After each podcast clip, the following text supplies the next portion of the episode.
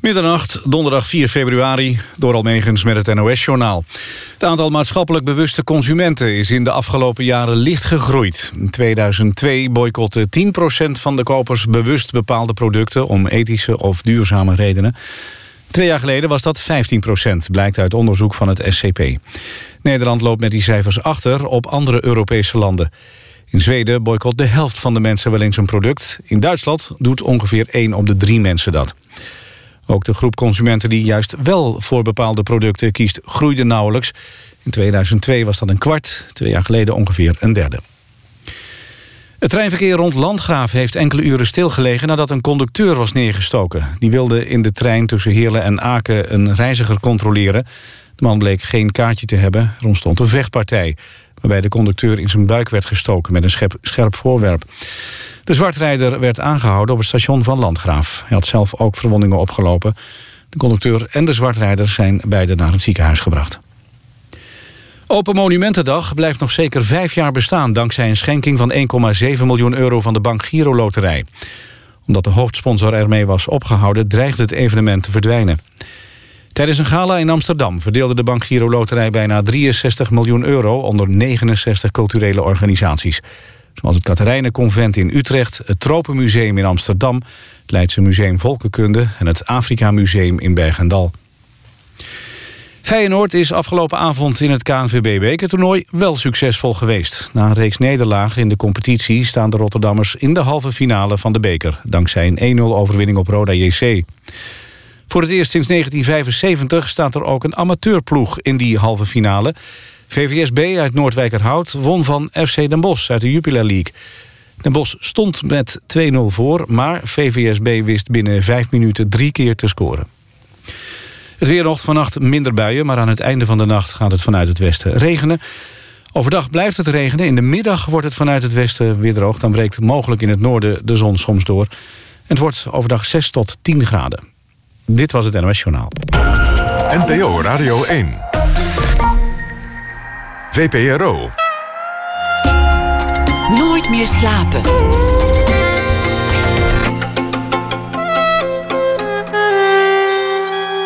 Met Pieter van der Wielen.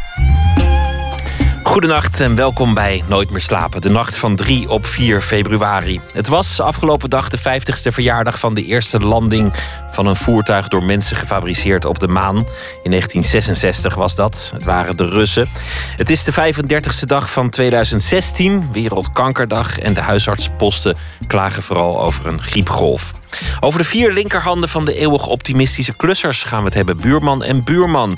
Ateo, zeggen ze altijd. Uit het Tsjechisch is dat geleend. Dik voor elkaar.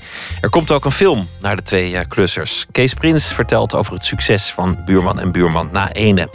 Chris Segers, acteur, presentator, avonturier, komt ook op bezoek. Hij leverde commentaar bij een natuurfilm over de grootste natuurparken van de Verenigde Staten. Maar we beginnen met Ruben Terlouw. Op het eerste gezicht lijkt het gewoon een vriendelijke medicijnenstudent. Vriendelijk, dat blijft hij, maar Verder is er niet zoveel gewoon, want naast zijn studie reisde hij op eigen houtje, dus niet embedded door Afghanistan. Won prijzen voor zijn foto's van bomaanslagen en andere gruwelijkheden.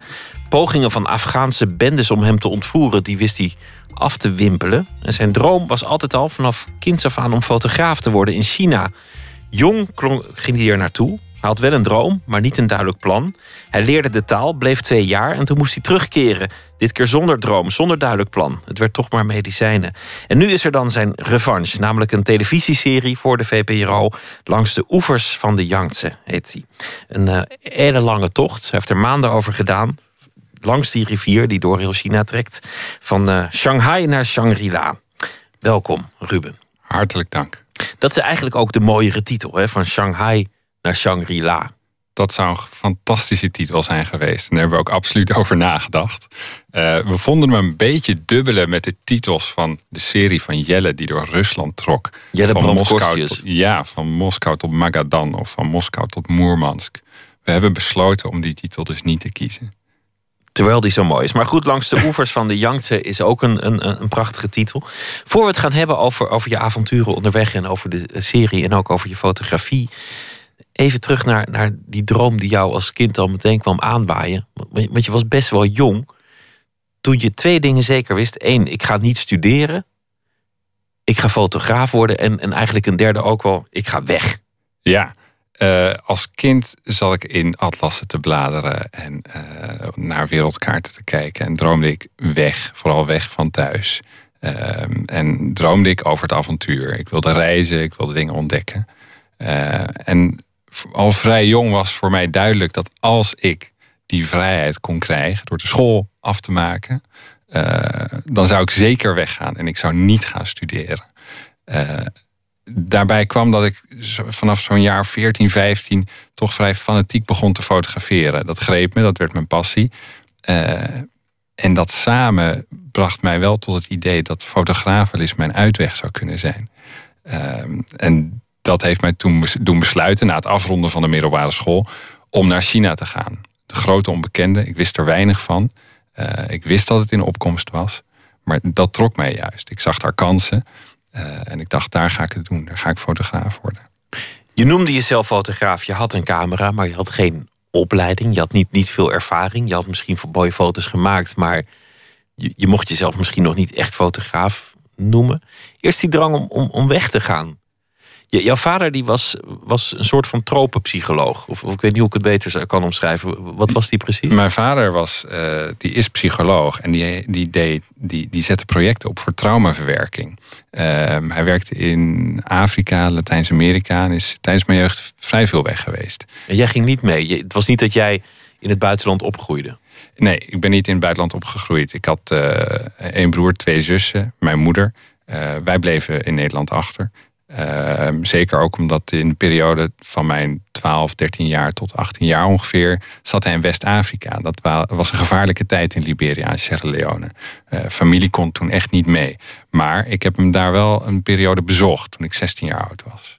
En ik denk dat zijn buitenlandse avonturen mij al wel van jongs af aan hebben geïnspireerd. Ik weet nog wel dat ik op jonge leeftijd al door zijn spulletjes scharrelde op zijn kamer. Alle spulletjes die hij meenam mee naar huis. Ehm, en Wat voor spulletjes waren dat dan? Buitenlands geld, uh, buitenlandse tasjes. Weet je, allemaal kleine, kleine toeristische spulletjes die, die wel mijn, mijn, mijn fantasie aanwakkerden, denk ik, over verre oorden. Ja. De drang om te reizen was er, de drang om te fotograferen was er. En in plaats van te gaan studeren, zoals veel jongens van je leeftijd zouden hebben gedaan, trok je naar China, een land in verandering. En, en daar kwam je aan. Had je enig plan? Hoe, hoe ver reikte de horizon? Ik had eigenlijk geen plan. Ik uh, wist ook weinig. Ik had weinig besef van de plek waar ik was. Ik had weinig historisch besef, wat bij China natuurlijk toch wel belangrijk is om, die, om dat land een beetje te doorgronden. Je sprak uh, geen taal nog? Ik had net een, uh, een zelfcursus Chinees gedaan. Ik sprak tien woorden. Ik kon bijna niks verstaan. maar met handen en voeten kon ik me wel redden. En ik stortte me in het leven daar. Ik maakte contact met de locals. Uh, ik trok naar het binnenland, want ik was vastbesloten om ook de. Ik wilde eigenlijk de oorspronkelijke, het oorspronkelijke traditionele leven op, de platteland, op het platteland en in de bergen wilde ik zien en fotograferen. Dus ik trok naar dorpen waar, waar je moeilijk kunt komen.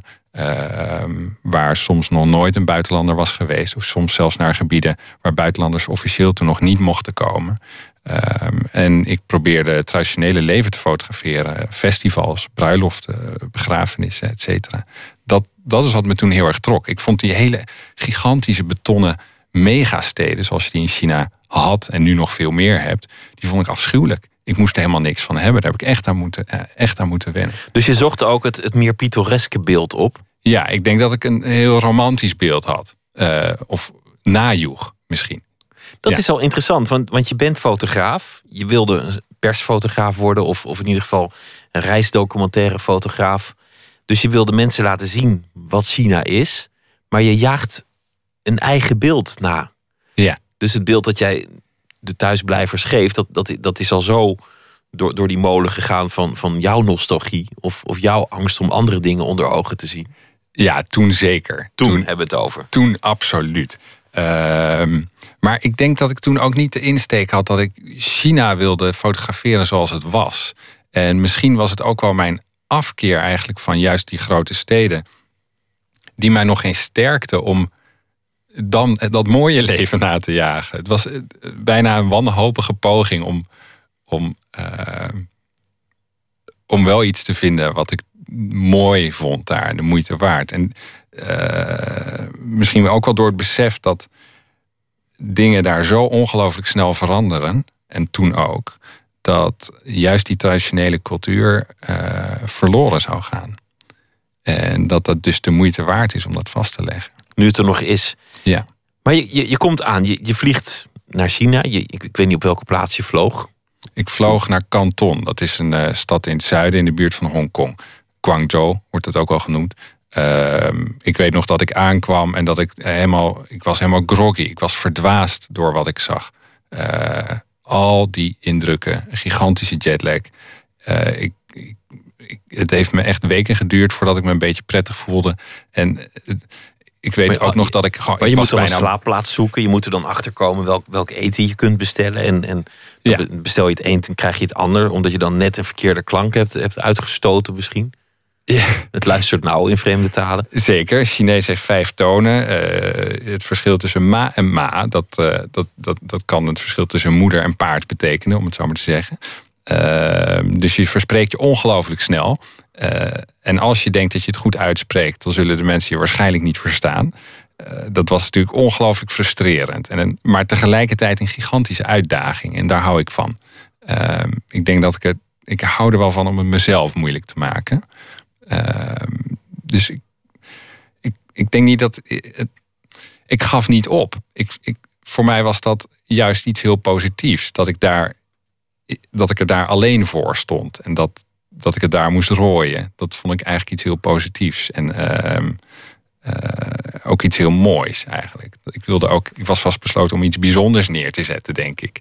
Je moest eerst de taal leren. Dat, dat heb je uh, met verven gedaan. Want, want je red je uitmuntend in die serie. Dat is te zien. Je maakt praatjes, je maakt grapjes. Je, je, je kunt vlot reageren op, op mensen daar. Dus je hebt in die twee jaar dat je daar zat goed de taal geleerd.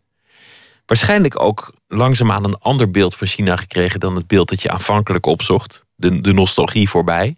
Absoluut. Absoluut. Wat, wat ging je toen interesseren? Um,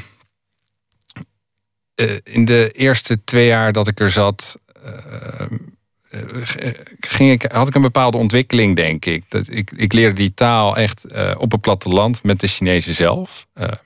Ik, ehm, ik vond het heel erg lastig dus om in die grote steden te verblijven. Ik denk dat ik totaal niet besefte in wat voor land ik me bevond. Historisch gezien ook.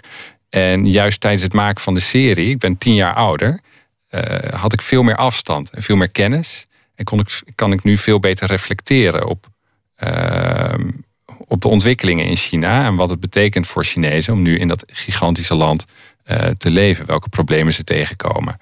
Ehm, en uh, misschien ook wel waar het land naartoe gaat. Of, um, dat is voor mij wel een heel erg leerzame periode geweest. Het laatste jaar, afgelopen jaar, waar, waarin we die documentaire hebben gemaakt. Omdat ik met heel andere ogen naar China ben gaan kijken.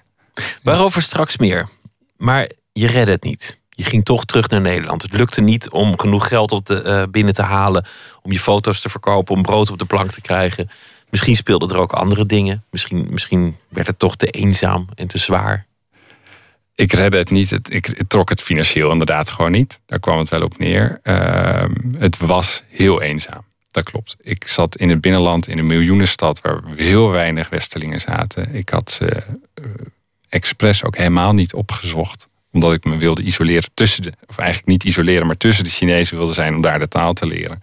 Ik had Chinese vrienden, maar merkte na, na die periode dat hoe goed ik de taal ook machtig was, hoe ongelooflijk ik mijn best ook deed, dat ik uh, toch die westerling bleef. En je valt ook op, je bent, je bent langer, je hebt, een, je hebt een andere huidskleur. Precies, en dat vond ik best. beweegt anders. Je dat vond ik anders. best heel erg lastig. Dat vond ik wel heel erg lastig, ja. Dus het, het voelde als een nederlaag. Het voelde echt als een deceptie. Ik weet nog dat ik terugkwam in Nederland, dat ik er drie weken helemaal kapot van was. Uh, want ik was zo vastbesloten geweest om het daar te gaan doen. Uh, en toen moest ik dus toch gaan studeren. Medicijnen werd het. Precies. Een studie uh, die je ook hebt afgerond. Voor zover je zo'n studie ooit helemaal afrondt. Want er is altijd een nieuwe fase in het, uh, in, in het vak arts te, aan te leren iets anders, want je, je was toen medicijnenstudent. En, en nou ja, dan leer je gewoon uh, alles wat, wat daarbij komt kijken. Daarnaast ging je naar Afghanistan. Ja. Een, een, een heel andere hoek van de wereld waar van alles aan de hand is, weer als fotograaf. Hoe kwam je op het idee? Het eerste jaar van mijn studie was ik ongelooflijk aan het blokken voor, voor geneeskunde. En blokken, dat, zeg maar, dat had ik wel geleerd door Chinees studeren. Dat kon oh ja, ik wel. genees- geneeskunde is, is de meer hedendaagse term. Hè? Medicijn is een beetje oudbollig. Ja, dat, dat misschien wel, ja. Maar goed, oké. Maar goed. Eh, eh, eh, en na een jaar dacht ik, nou, dit, dit, dit heb ik nu wel ongeveer onder de knie. Dit loopt nu heel erg lekker. En ik merkte dat ik het avontuur miste. Ik wilde al een hele tijd naar Afghanistan. En ik wilde met eigen ogen zo'n conflictgebied zien. Om te zien hoe het. Eigenlijk wilde ik oorlog wel zien. Ik was daarnaar benieuwd om te zien hoe mensen, wat dat met mensen doet. Eh, daarnaast was het een avontuur en ook een test voor mezelf. Maar vooral wat het met mensen doet, dat leek mij boeiend om te gaan zien en om te gaan fotograferen. Wat heel dicht bij het vak van je vader ligt. De, de, de traumapsycholoog in den vreemde. Zeker, ik denk dat, dat ik daar ongetwijfeld door geïnspireerd ben. Absoluut. Ehm, daarnaast denk ik dat fotografie en geneeskunde een bepaalde link hebben. Voor mij althans. Ehm, omdat het allebei behoorlijk observerend is. Als arts ben je ook observerend. En de type fotografie dat ik interessant vind gaat over mensen. En het gaat vooral over mensen in moeilijke omstandigheden. Ehm, als arts zie je ook, ben je met ziekte bezig. Daarin, daar, dat is ook, daarin vind je ook mensen eigenlijk in een conditie die eh, vrij essentieel is. Weinig oppervlakkigheden, weinig futiliteiten. Nogal essentiële. Ik denk dat het een, bepaal, een bepaalde andere dimensie is van zijn, zeg maar. Dat vind ik heel erg boeiend. Plat gezegd, de bullshit valt weg. Omdat er iets groters aan de hand is. Precies, absoluut. Ja, en dat vind ik boeiend. Ik vind zelfs dat daar een bepaalde schoonheid in zit. Niet een schoonheid waar ik van geniet. Of, eh, die, ehm, Maar het toont jou een essentie die, die fascineert. ja, dat fascineert. Absoluut. Dat zijn hele krachtige ervaringen. En dat, het herinnert je natuurlijk dat, dat dingen tijdelijk zijn. En dat ehm, misschien ook wel dat je gefocust moet blijven. Dat je je tijd goed moet gebruiken. En, en Dat- ook dat dus zijn- niet aan bullshit moet besteden.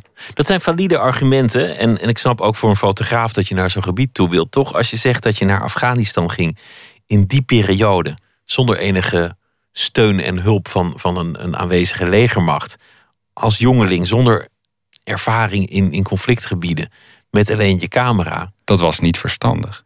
Ik wil dat heel vaderlijk zeggen, dat was niet verstandig. Nee, dat was niet verstandig. En ik denk dat ik de eerste reis, het begin, de eerste, ik ben er vier lange reizen geweest. Ehm, de eerste reizen was ik me niet volledig bewust van het gevaar dat ik liep. En dat heeft, dat besef eh, heeft moeten komen met de dingen die ik daar meemaakte. Dat moest ook snel komen. Je hebt prijzen gewonnen voor een, voor een aantal foto's. Zilveren camera's, de Ja. eerste prijs, de tweede prijs, de derde prijs. Een, een Canon ehm, Award heb je ook gewonnen. Ook, ook een hele Ja, keurige prijs. daar was ik om- erg blij mee. Zeker. Een aantal van die beelden die, die, die zullen toch bijblijven. Bijvoorbeeld politieagenten of, of soldaten, dat, dat ziet er daar een beetje hetzelfde uit, die uit een open raam springen omdat er daar binnen iets gebeurt. Ja. De kijker kan dat niet zien. Jij staat daar heel dicht op, dus waarschijnlijk ben je net ook uit dat raam gesprongen of Ja, sta je in ieder geval nog in de gevarenzone. Want als daar binnen iets ontploft, sta jij op het punt waar jij die foto neemt ook niet veilig. nee. Wat, wat was daar aan de hand? Eh, dat was op verkiezingsdag in 2009, de tweede verkiezing in Afghanistan ooit, democratische verkiezingen. Ehm, en het was eh, een vuurgevecht met een aantal Taliban-strijders eh, die een militaire basis aanvielen. Ik was met de Afghaanse politie en de lokale eh, pers, met een Afghaanse journalist. eh, belandde ik daarin. We waren vlak in de buurt. Wij gingen een kijkje nemen omdat we hoorden dat er iets aan de hand was. Ehm, en voordat ik het wist, rende ik door trappenhuizen en lag ik met die politieagenten op, op de daken. Eh, die, die aan het vuren waren op die Taliban-strijders. Die zich hadden verschanst in een, in een gebouw. Dat gebouw was nog niet, nog niet afgebouwd. Dat is waarom die, die politieagenten vervolgens ook gewoon uit kunnen springen.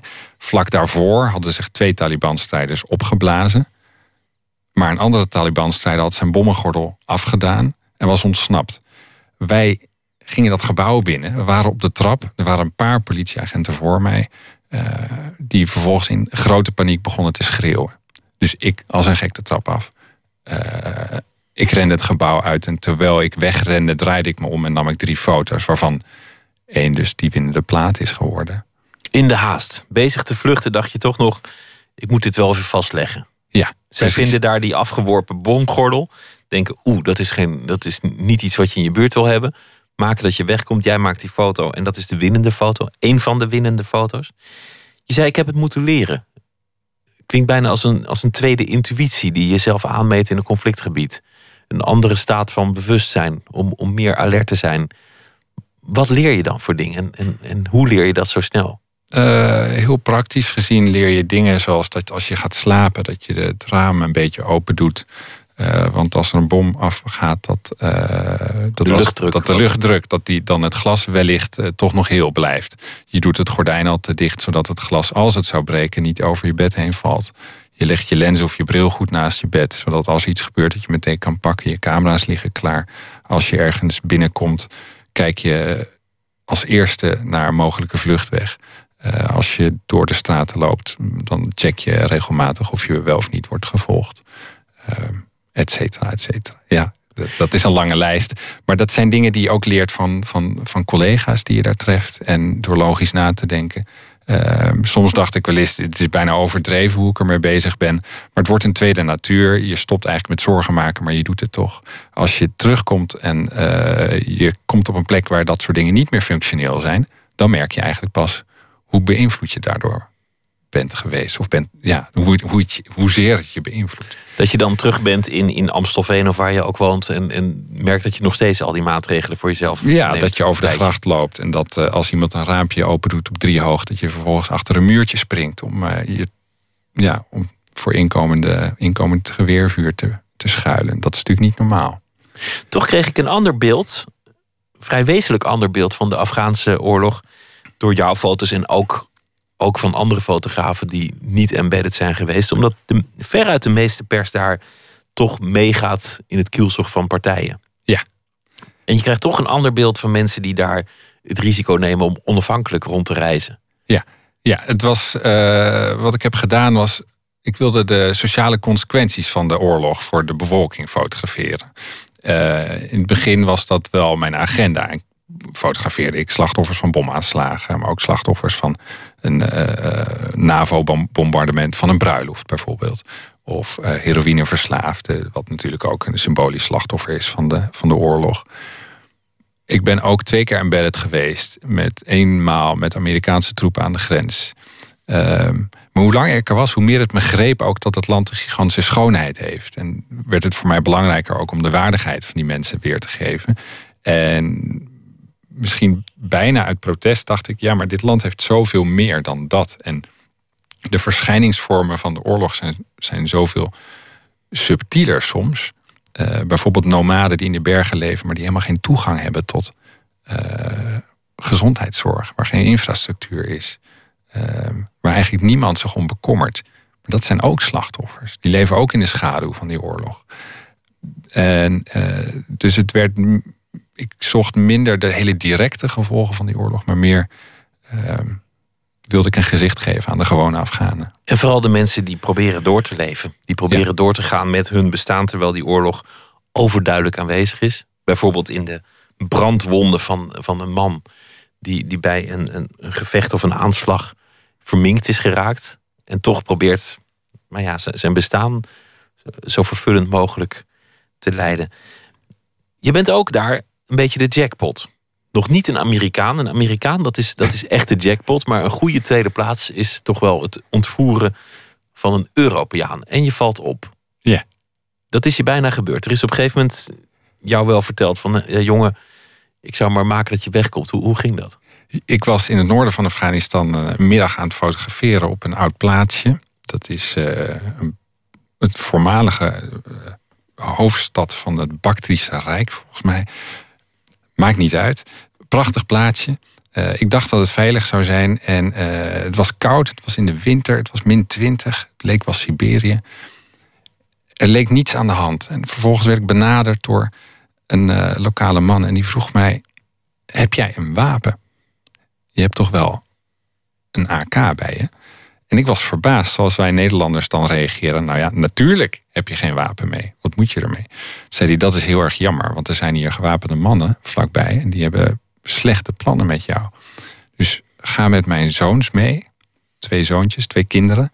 Uh, en die gaan je helpen. Dus die hebben mij letterlijk bij de hand genomen. En via hele kleine steegjes het dorp uitgeloodst. Naar de, ja, de, door, ja, de openbare weg. Eigenlijk een paar kilometer verderop. Uh, daar heb ik een auto aan kunnen houden. En toen was ik weg. Het gekke bij dat soort ervaring is dat als het goed gaat, dan is het goed. Hè? Dan gaat het goed en dan, dan weet je ook niet wat, wat er had kunnen gebeuren. Hoe slecht het had kunnen zijn. Nou, kan ik je wel vertellen. De beelden zijn bekend. De verhalen staan in de krant. Ja. Hoe heeft, hoe heeft dit, dit jou veranderd? Want je, je bent dit keer ontkomen en, en je hebt meerdere reizen gemaakt en er prijzen mee gewonnen. Maar je zei ook, het is een andere staat van zijn. Je, je, je gaat andere prioriteiten stellen. Het, het, het, het, de onnozelheid van het, van het bestaan, die, die verlaat je. Komt die ook net zo hard weer terug? Of, of leef je nu anders dan, dan iemand die er niet geweest is? Uh, als je terugkomt naar zo'n periode, voor mij was het lastig om te aarden. Uh, absoluut, omdat je, je leeft nog heel erg met hele, hele essentiële, de hele essentiële dingen die je hebt gezien. En de hele, uh, alles, alles wat hier dan gebeurt is zo ontzettend relatief. Maar aan de andere kant, als je terug bent en na drie, vier maanden je stapt met, uh, met je sokken weer in een plas water als je net hebt gedoucht, dan sta je toch ook weer net zo hard te schelden. Begrijp je wat ik bedoel? Dus dat komt wel weer terug. dat je gaat ergeren aan hele banale, aan banaliteiten. De trein die drie minuten vertraging precies, heeft. Die, dat, die er helemaal niet te doen. Um, desalniettemin zijn het ervaringen die, ik, die me wel heel erg hebben gevormd. En die ik wel meeneem. Absoluut. En ik, ik ben me daar ook heel erg van bewust.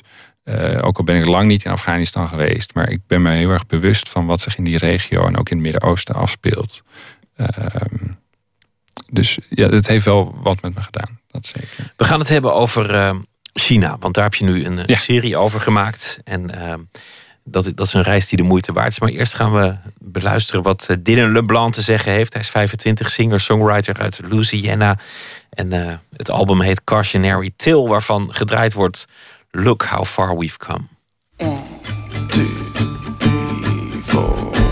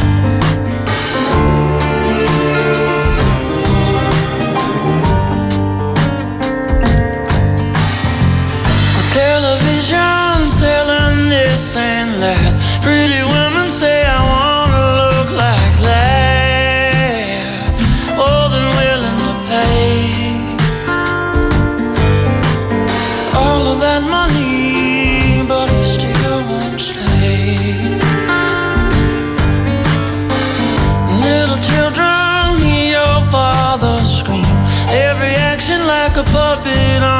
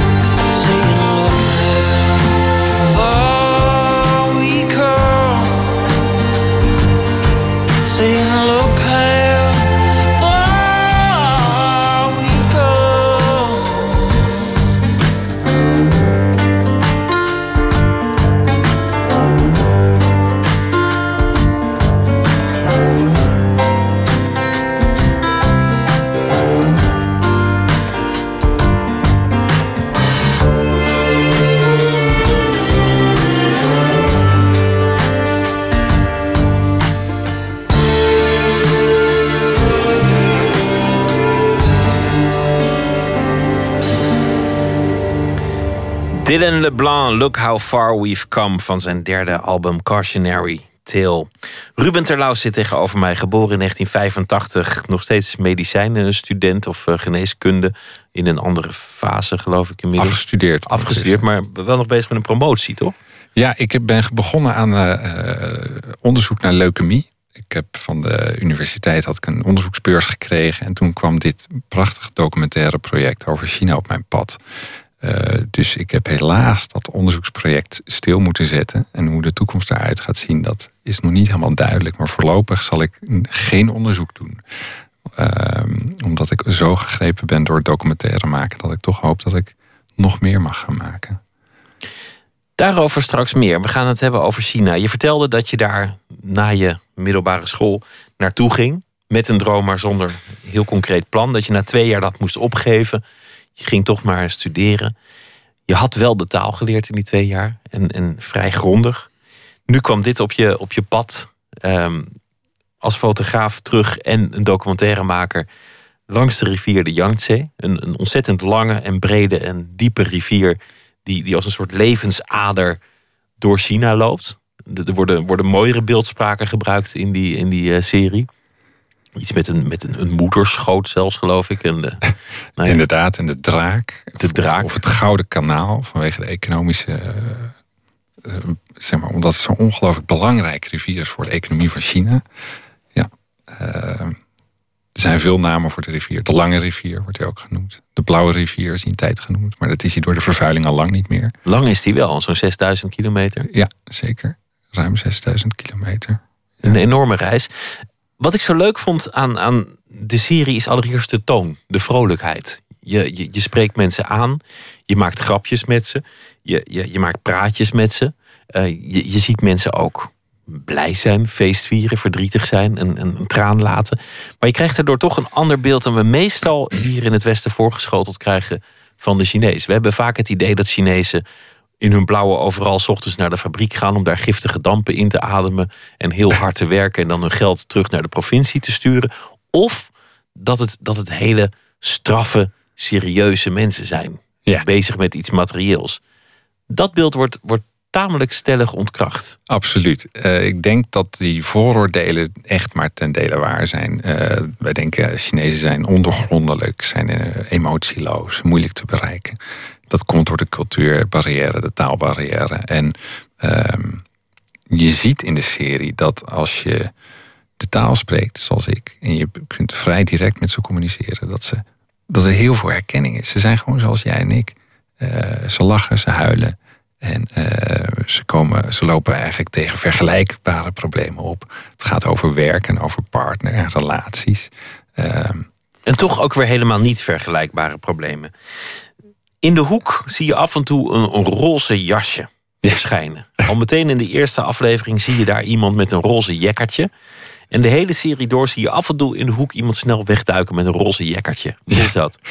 Eh, om die serie te moeten maken, moesten wij, eh, wij. Wij hebben het via de officiële weg gedaan. We hebben niet stiekem op een toeristenvisum eh, de serie gedraaid. We, hebben, we zijn op journalistenvisa daar naartoe gereisd. Maar als je dat wilt doen, dan moet je wel toestemming hebben van de Chinese overheid. Dus we hebben een vrij gedetailleerd plan opgesteld wie we zouden gaan ontmoeten, waarom we die documentaire wilden maken en wat we daar zouden gaan doen.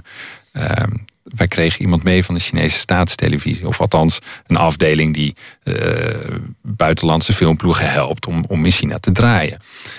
De dame in het roze jasje was die vrouw. Eh zoals ongeveer mijn leeftijd. Ongelooflijk grappig mens. eh, bijzonder behulpzaam. En in het begin was ze overal bij. Maar zij controleerde eigenlijk niet zo heel veel. Zij observeerde meer. En in de, de, er zat ook een bepaalde hoffelijkheid in, in, in dat systeem. Dat wij buitenlanders geholpen worden door hen. Dat wij, eh, dat, zij helpen eh, met de logistiek. Ze faciliteren heel veel. Maar ze, zei ze ooit, nu even niet, of dit moet je even niet filmen, of, of eh, nu even ophouden? Of intimideerden ze op welke manier dan ook de geïnterviewde? Want die letten natuurlijk wel op wat ze zeggen als er Ja. iemand van, van de staat bij staat. Zij heeft één keer gezegd: nu mag je dit even niet filmen tegen de cameraman. En dat was toen die soldaten wilden gaan filmen. Verder heeft ze no- nooit eigenlijk iets verboden. Ehm, en mochten wij ook improviseren. We hebben heel veel ontmoetingen, waren niet gepland. We hebben heel veel eh, onderwerpen ter plekke bedacht of eh, opgezocht. Of als we iets tegenkwamen wat we interessant vonden, konden we dat ook filmen. Maar je ziet wel dat mensen vaak voorzichtig zijn of, of berekenend in hun antwoord. Of, of naast, een, naast een toch wat gelige rivier staan en zeggen: nee, het valt erg mee met, de- met, die, met die milieuschade. Absoluut. Eh, ik, ik weet niet wat eh, zij de mensen die wij gepland. Eh, die wij gepland ontmoeten, van tevoren had ingefluisterd. Maar ik vermoed dat zij ze zeker gesproken had. Of dat weet ik eigenlijk wel zeker. Ik vermoed ook wel dat zij besproken heeft wat er wel niet gezegd zou mogen worden.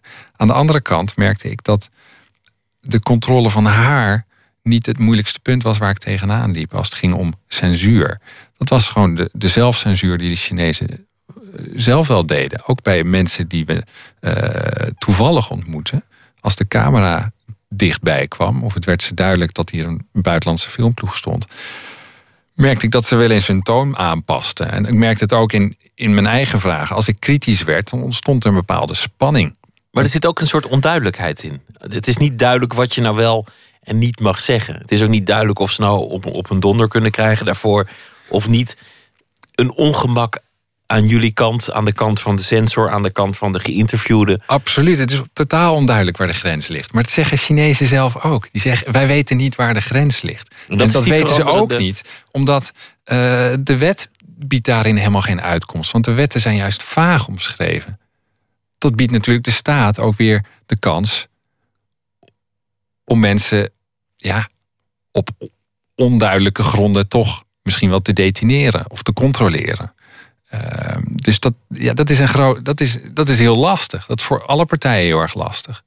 En voor de Chinezen natuurlijk het meest. Maar voor ons tijdens het maken van de documentaire ook. Absoluut. Prachtige beelden zitten erin. Op één moment zie ik dat jij zelf geëmotioneerd raakt tijdens het draaien.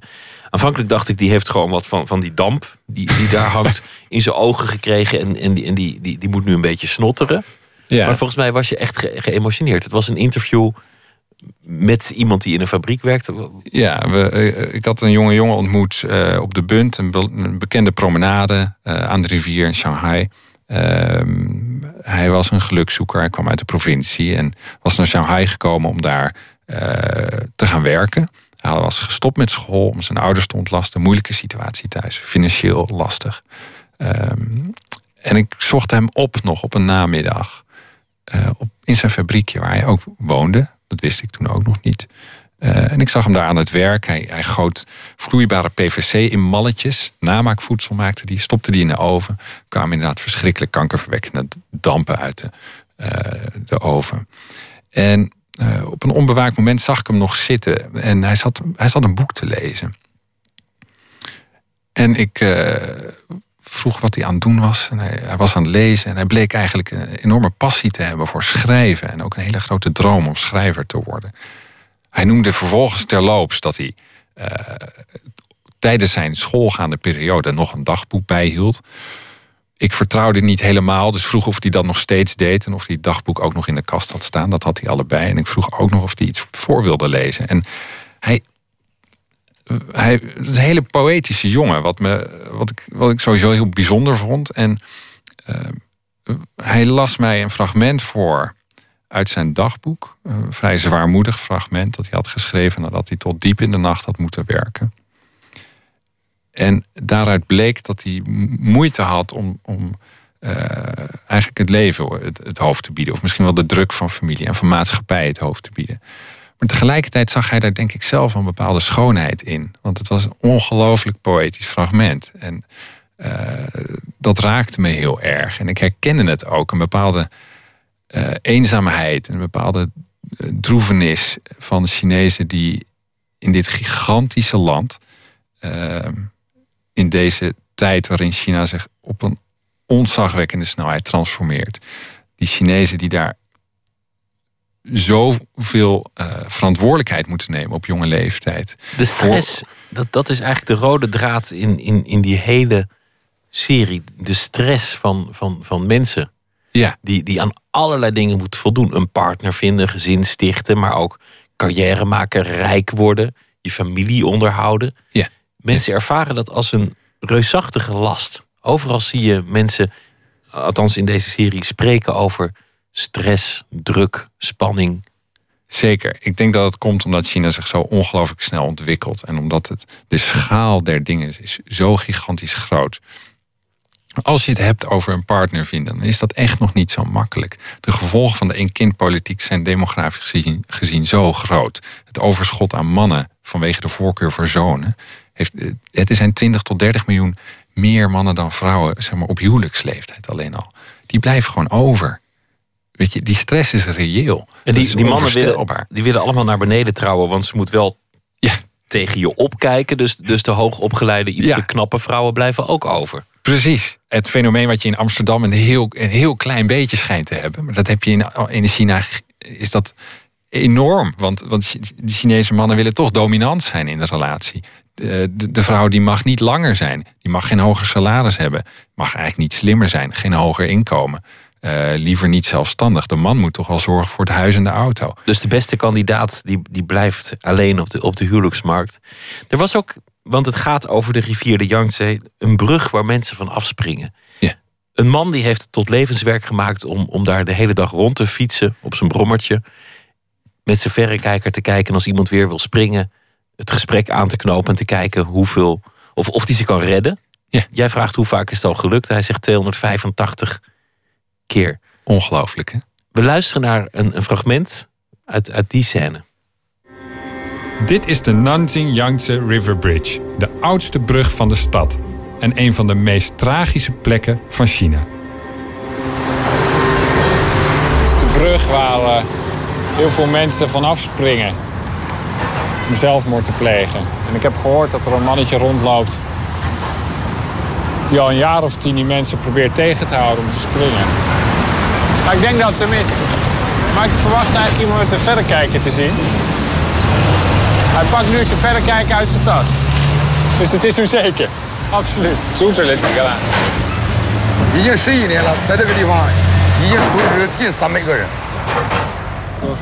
het is een enorme brug. Het is ook een enorme rivier. Daar, daar, varen reusachtige boten onderdoor. Die, die, die sprong overleef je ook absoluut niet. Je krijgt ook een van de zelfmoordenaars te spreken. Hij is uh, van zijn daad afgehouden door deze man... die, die zelf verklaart alcoholist te zijn geworden... om, om de druk het hoofd te bieden. Hij, hij zegt het eigenlijk heel luchtig. Ja, sindsdien ben ik alcoholist. Je moet toch wat? Ja, zijn zorgen wegdrinken. Ben ik, maar, ben ik maar gaan zuipen. Van alle afschuwelijke dingen die hij heeft gezien. Want hij heeft misschien bijna 300 mensen gered, maar hij heeft ook heel veel mensen zien springen. Die dachten, er komt iemand aan op een brommertje, laat ik maar opschieten. Ja, was ook heel vaak net te laat. Met hele ja, verschrikkelijke dingen gezien. Moeders met jonge kinderen. Uh, ja, dat, dat, is afschuwelijk natuurlijk. En, en, en hij staat erin uh, eigenlijk alleen.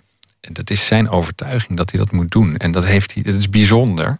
Geen subsidie, het is niet een stichting of, of hij heeft geen donateurs. Het is gewoon een persoonlijk project. Dat was zijn persoonlijke project. Hij is begonnen in de weekenden. Hij, eh, op een gegeven moment is hij een appartementje gaan huren, zodat hij ze daar kon opvangen.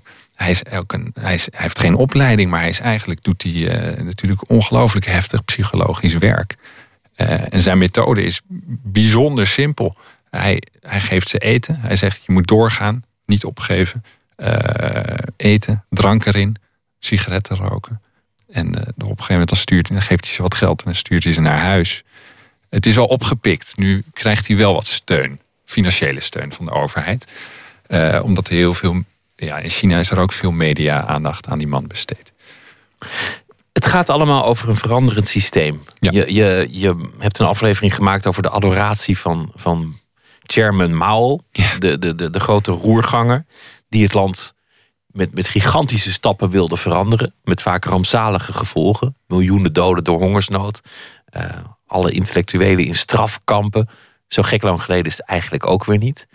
En nu is er die gigantische verandering met die enorme snelheid de andere kant op.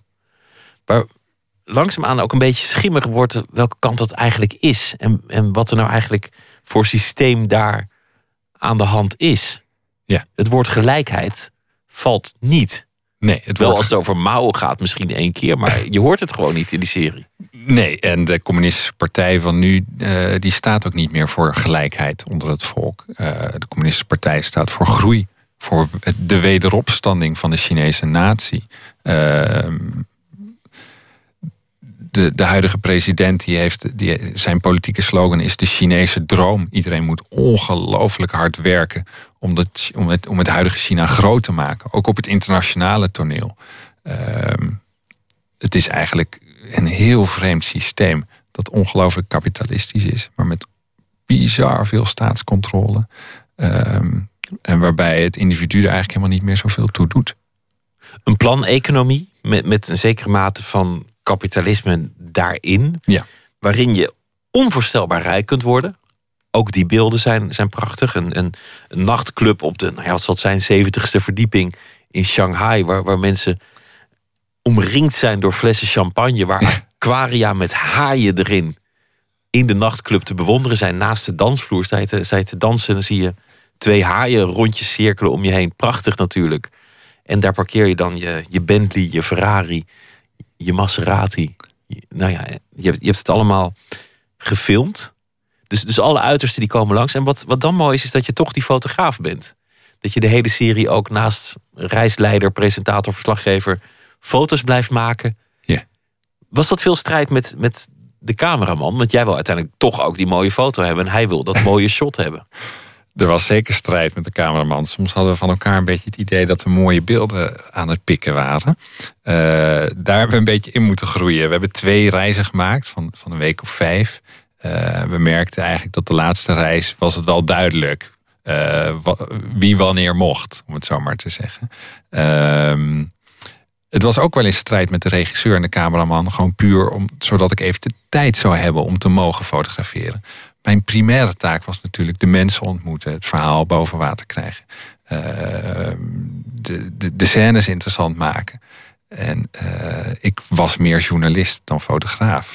Toch is het een, een extra laag in, in de hele serie, omdat je die foto's ook te zien krijgt.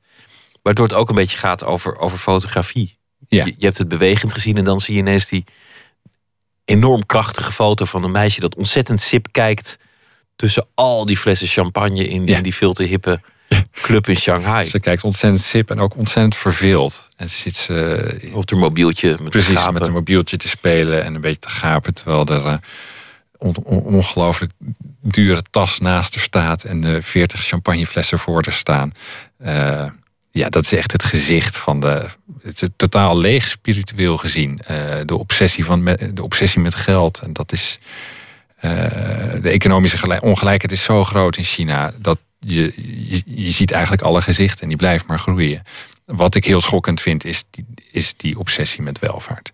Dat vind ik. eh, Waar gaat het naartoe? Want dat, dat is onmogelijk om te voorspellen. Maar de economische groei neemt langzaamaan een klein beetje af. Ja.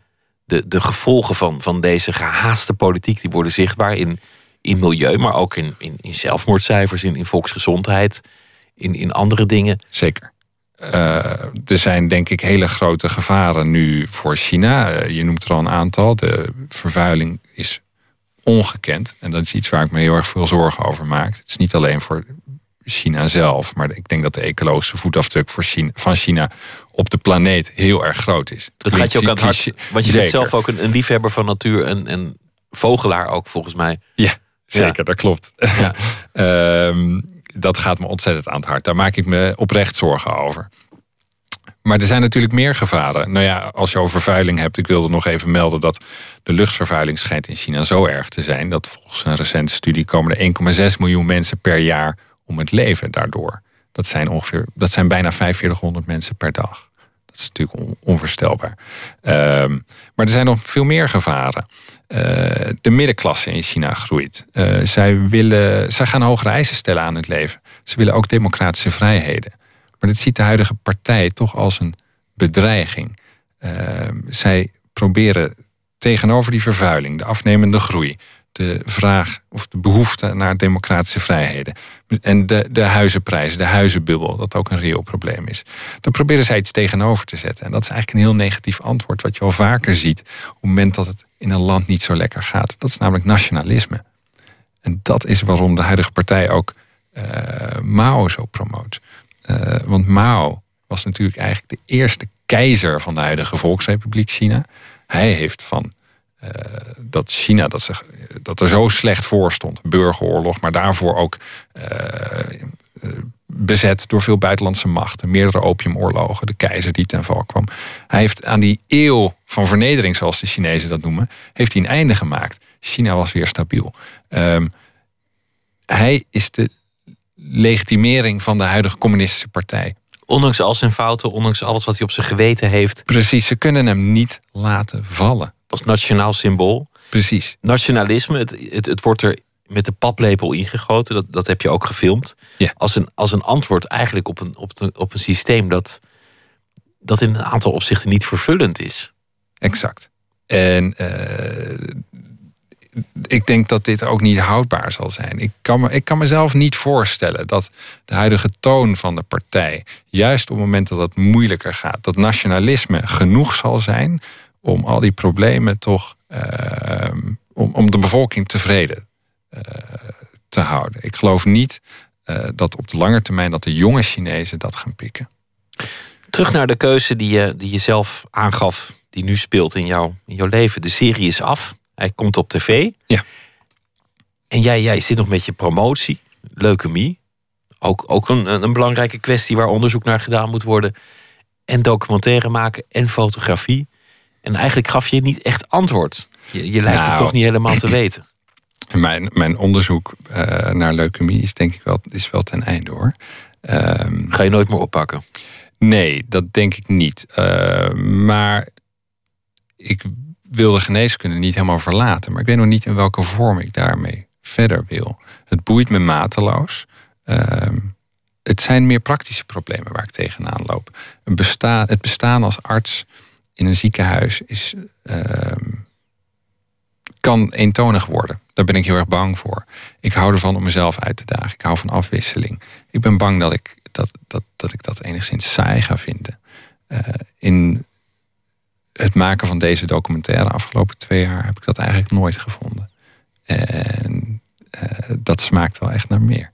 Het moet niet saai worden. Je wil jezelf een beetje onder druk stellen hier en daar. Om, om ook, ook scherp te blijven. Ja, En Misschien ook gewoon de adrenaline. ik hoop dat dingen elkaar nog een keer, dat, dat, dat dingen samen zullen komen. Dat eh, mijn interesse in eh, geneeskunde en leukemie en misschien ook wel fotografie of documentaire maken, dat ik daar in een bepaalde, dat ik een bepaalde brug kan gaan slaan. Dat zou ik echt fantastisch vinden. Alleen ik weet, nog, ik weet nog niet hoe, maar ik denk dat als ik hard blijf werken, dat dat ongetwijfeld wel zal komen. De serie is ehm, vanaf eh, komende week op televisie te zien bij de VPRO. Welke, welk tijdstip? Eh, elke zondagavond, het zijn zes afleveringen, om kwart over acht op NPO 2. Van eh, langs de oevers van de Yangtze, van Shanghai tot Shangri-La. Ruben Terlouw, dankjewel. Heel veel succes met de, de verdere, het verdere verloop van je, van je loopbaan. En ook met de serie en de ontvangst daarvan. We gaan luisteren naar eh, David Bowie, want het is alweer een maand geleden dat hij eh, zomaar eh, ineens overleed. We gaan luisteren naar een van de stukken van zijn laatste album Black Star, het nummer Lazarus.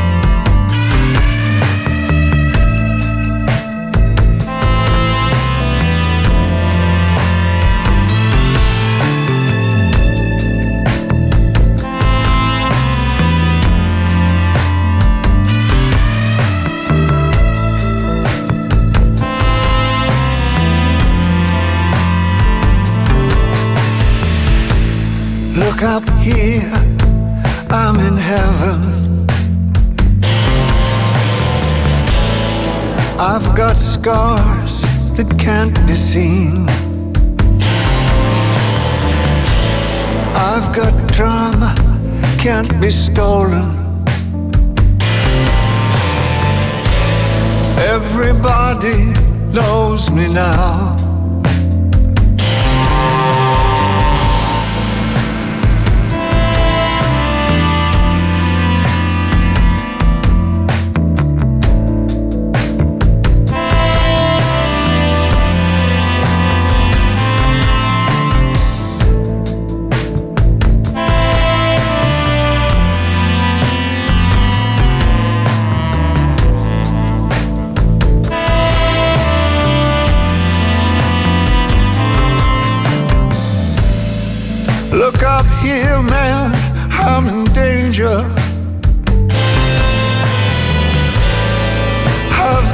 Nothing left to lose. I'm so high, it makes my brain whirl. Drop my cell phone down below.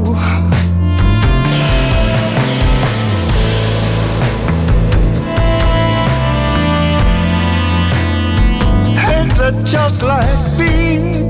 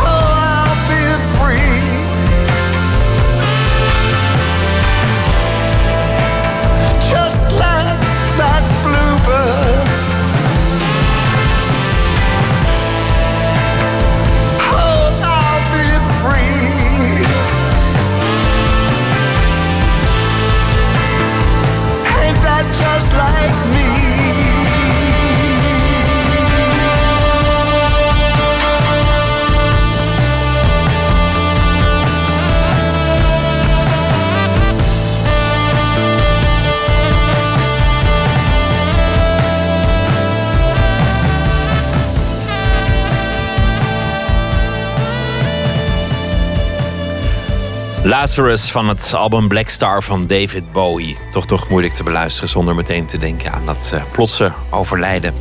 Zometeen gaan we verder met Nooit meer slapen. Onder meer met eh, Chris Segers, avonturier, acteur en presentator. En uh, nog heel veel andere onderwerpen. Op Radio 1, het nieuws van alle kanten.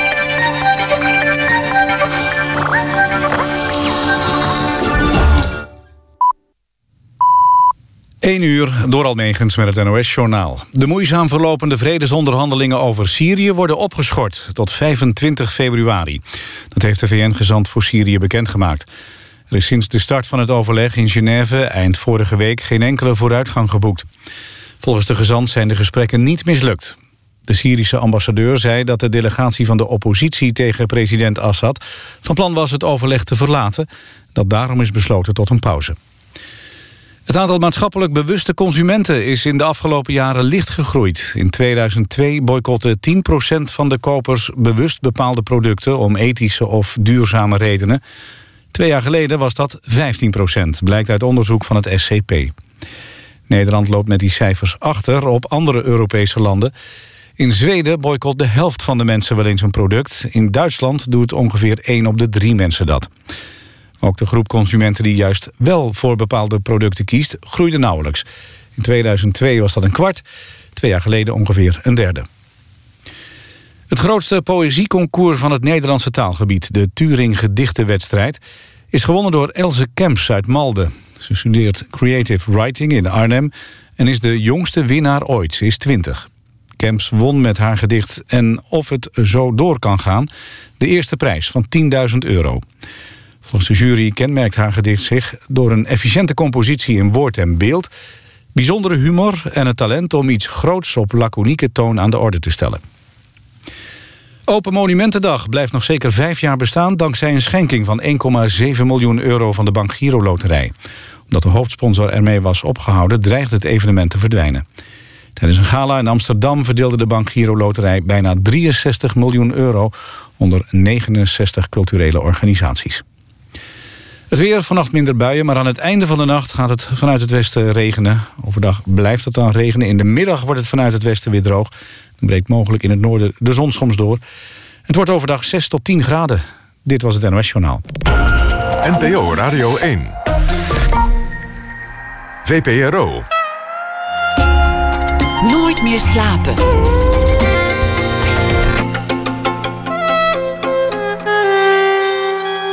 Met Pieter van der Wielen. Straks praten we met Kees Prins over het succes van de serie Buurman en Buurman. Over de twee uh, klussende mannen die altijd optimistisch blijken. Ook al kunnen ze er helemaal niks van. De Tsjechische bedenksels die hebben nu ook een uh, film in de maak. En Chris Segers komt langs, want hij is voice-over van een nieuwe natuurfilm in het Omniversum in Den Haag. Karin Amat zal deze week elke nacht een verhaal schrijven over de voorbije dag. Ze is schrijfster. Het ging eerder deze week over het seksisme in de reacties van mensen op uh, vrouwen die publiekelijk een keer een mening durven te uiten. En gisteren ging het uh, over het lijden van de kunstenaar, waarom mensen daar toch altijd zo aan hechten. En daarmee ging het ook een beetje over een uh, wortelkanaalbehandeling, geloof ik. Karin, goeienacht. Goeienacht, Pieter. Het, uh, er zijn steeds meer mensen die bedrijven of producten boycotten uit ethische overwegingen, hoorde ik op het nieuws. Doe jij dat wel eens? Ja, ja zeker. Nou ja, ik zeg dat heel enthousiast, maar ik hou er wel rekening mee. Ja. Vooral in de mode-industrie, die snelle, snelle mode, zoals ze dat noemen. Uh, Hennis en Maurits en dat soort dingen. Daar denk ik wel veel over na. Uh, ik denk wel drie keer na voordat ik daar koop, laat ik het zo zeggen. Oh ja, dat is eigenlijk ook al een beetje boycott als je iets gewoon niet koopt. Ik, ik stel ja, me dan meer... zeker boycott. Dat ja. is denk ik de enige macht die wij als consument hebben, toch? Ja, nou ja, het zijn steeds meer mensen die dat doen. Stemmen met, uh, met de voeten. Ik ben benieuwd wat jou uh, vandaag heeft uh, bezig gehouden. Nou, het viel mij op, dat de laatste tijd valt mij op dat er steeds meer manieren gevonden worden om onze kinderen te beschermen, onze opgroeiende kinderen. Dat komt natuurlijk omdat ik ermee bezig ben. Ik heb een dochter die in groep 8 zit en die moet naar de middelbare school binnenkort. Um, en vandaag las ik weer zo'n stukje over roken op het schoolplein in de krant. Dus daar heb ik wat over geschreven. Ga je gang. Vanaf 2020 mag er niet meer op schoolpleinen gerookt worden, las ik vandaag in de krant. Ik dacht terug aan mijn eigen schooltijd, toen je eerst door een haag van rokende pubers heen moest om het gebouw in te komen. In mijn herinnering droeg het bij aan de vrijgevochten sfeer van de school. Een cultuur van blowers en kakkers, nerds en skateboarders. Maar misschien is mijn herinnering gekleurd door de melancholie van de ex-roker, dat kan ook. Toen ik van de krant opkeek, paradeerde mijn dochter op een paar van mijn pumps door de kamer. Ze is elf jaar. Het duurt nog een centimeter of vijf voor ze even lang is als ik. Dat rondstommelen in mijn schoenen deed ze ook al toen ze een kleuter was. Toen vond ik het nog schattig. De afgelopen dagen bezochten we middelbare scholen. Soms was het zo druk dat we de lokalen niet eens meer in konden. We lieten ons door de gangen voortstuwen, deden alsof we een rivier waren, lachten wat als we kennissen tegenkwamen die we uit de kroeg kenden en zeiden tegen elkaar: Kan je geloven dat we al zo oud zijn? In biologielokalen stonden nog steeds microscopen en opgezette vogels. Bij Nederland hing weer een poster met het gedicht over jonge sla in vochtige bedjes. De gymleraar had zijn apparaten opgesteld voor apenkooi. Alles was zoals het altijd was geweest. Hoe konden we niet aan vroeger denken? Bij de ingangen van deze school ontdekte ik geen rokende leerlingen. Waarschijnlijk waren ze gewaarschuwd om er niet te blijven hangen tijdens de open dagen, om de ouders niet af te schrikken. Ouders die zich graag laten sussen door informatiefolders over schoolfeesten met alleen frisdrank, opgevulde tussenuren, inlogcodes voor track-and-trace-achtige systemen waarmee het kind nimmer uit het oog verloren raakt. Dezelfde ouders, die zelf, die zelf feilloos de maas in het net wisten te vinden. Op hun veertiende voor het eerst dronken van hun fiets tuimelden. Experimenteerden met drugs en met seks. Stomme weddenschappen gesloten, fietsen jatten, gearresteerd werden. Hun eigen ouders vol schaamte moesten bellen. Ik kijk naar mijn dochter, nog even, elf jaar oud. Zoals ze haar balans op de hoge hakken zoekt. Nu nog voor de lol is ze al de vrouw die ze over een paar jaar zal zijn. Is toekomst en verleden, herkenning en vervreemding in één.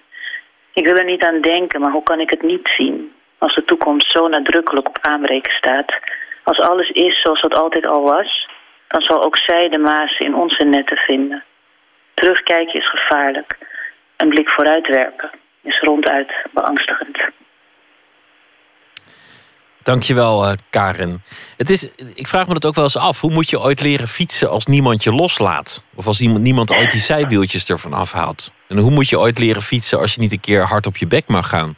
Door de blauwe plekken leer je toch wat, wat evenwicht is. En dat geldt voor, voor zo'n beetje alles. Hoe, hoe leer je ooit met drank en drugs omgaan als er altijd een ouder bij staat? En als je dan een keer zonder die ouder bent, en dit is ook meteen een coma. Vind je het gek? ja. Zo leer je toch ook niks. Ja, je moet, moet toch, denk ik, ik heb zelf geen kinderen, maar een klein beetje de ruimte geven om, om ze ook fouten te leren maken om verder te komen. En, en, en die tuttigheid die jij beschrijft, die, die, die, zie ik ook wel om me heen. Ja, ja, dat is de grootste uitdaging, denk ik, voor, voor ouders. Nou, dank voor het verhaal. Een hele goede nacht. En uh, morgen weer een verhaal. Dankjewel, tot morgen. De Schotse zangeres Emma Pollock bracht een nieuw album uit, In Search of Harperfield. En daar staat dit schattige walsje op Intermission.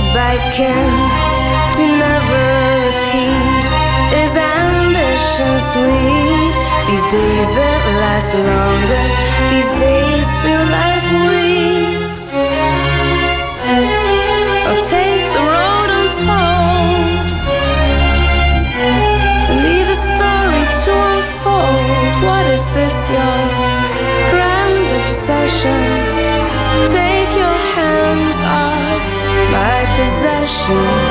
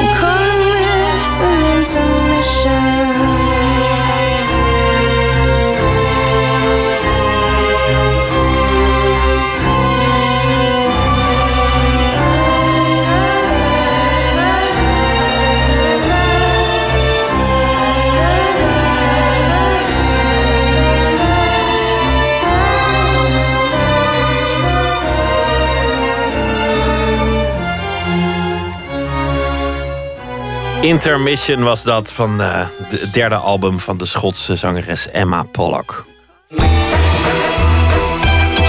Nooit meer slapen. Ook al zijn ze onhandig, ze blijven vindingrijk en onverbeterlijk optimistisch. En dat zorgt ervoor dat elke klus van buurman en buurman eindigt in volledige chaos. Ajeto zeggen ze dan, oftewel voor elkaar in het Tsjechisch. De animatieserie Buurman en Buurman werd 40 jaar geleden bedacht in Tsjechoslowakije en is nog steeds waanzinnig populair. En Nicolaou praat met Kees Prins, die een van de stemmen doet, theatermaker Jelle Kuiper en animatiekenner Gerben Schermer over de geschiedenis en het succes van de serie.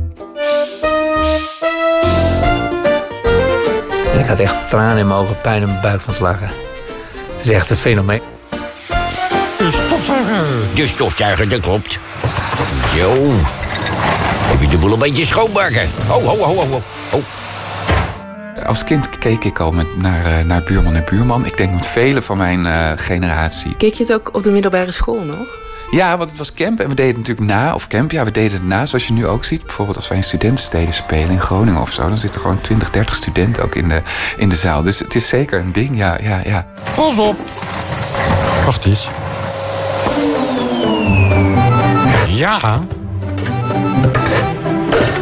Als ik die nou gewoon hier aan maak, zo. Kijk eens. Ja, heel goed, buur. Het is een droge humor. En ik denk dat het ook een soort droge humor is waar wij in Nederland heel erg van houden. Het is allemaal klunzig, maar het is wel perfect gemaakt. Ja, de hele mimiek. Het is fantastisch. Het hele huis van de buurman, zoals bij ons letterlijk gebeurt, stort helemaal in. Zegt de andere buurman, nou ja, sorry buur, dat kan gebeuren. En ze gaan weer door, weet je. Dus ze verwijten elkaar niks. Ze zijn nooit boos op elkaar. Dat zijn allemaal die ingrediënten die het heel grappig maken. En, eh, en dat optimisme, volgens mij is dat ook, zeker in deze tijd willen we dat, is dat een fijn geluid.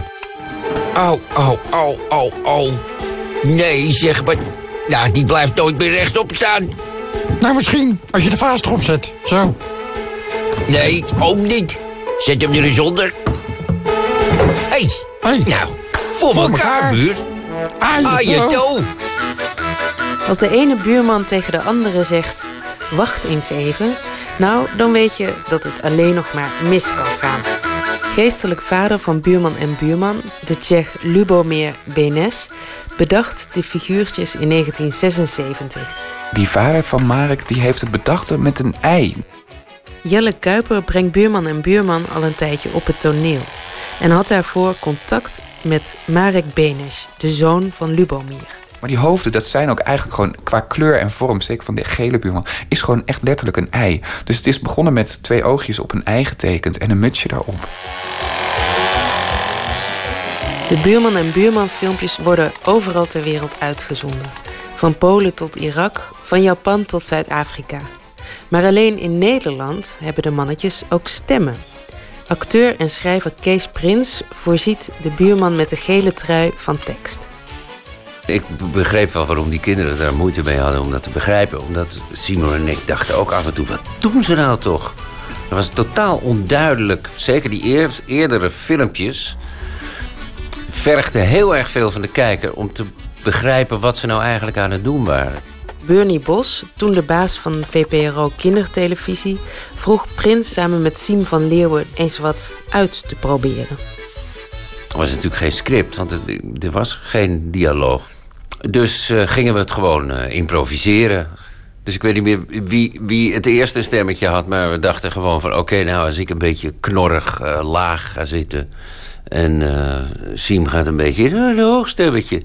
dachten nou ja, dan kan je ze in ieder geval uit elkaar houden. Dat je, dan leg je ook gewoon uit van... zo, eerst maar eens even deze plankjes... dan krijgen we straks een mooie tafel. Dus die teksten waren ook echt niet echt... heel erg bijzonder. Dat, dat, dat maakte het ook zo plat en zo. eh, daardoor zo geestig. Omdat het zo. Het is zo simpel en houtje touwtje en recht voor zijn raap. En gewoon nog eens een keer benoemen wat er al gebeurt. Beetje lijm erbij. Kom maar. Ja, Plakken ze gewoon aan elkaar, hoor. dat wordt een mooi voetstuk, joh. Het is wel papierlijm, maar het werkt wel, denk ik. We konden meestal vier, vier filmpjes doen en dan was het wel op. Want dan konden we gewoon niet meer, konden we niet meer van het lachen. Dan, dan, als je je focust op het filmpje, dan is het allemaal nog tot daar naartoe. Maar als je op een gegeven moment die twee volwassen mannen... volkomen serieus met een koptelefoon op die stemmetjes ziet doen... dan, ja, dan ben je weg. Zo. Yep. Nou. Ja, blijf toch mooi zitten. Nee, bloemen erop. Kijk.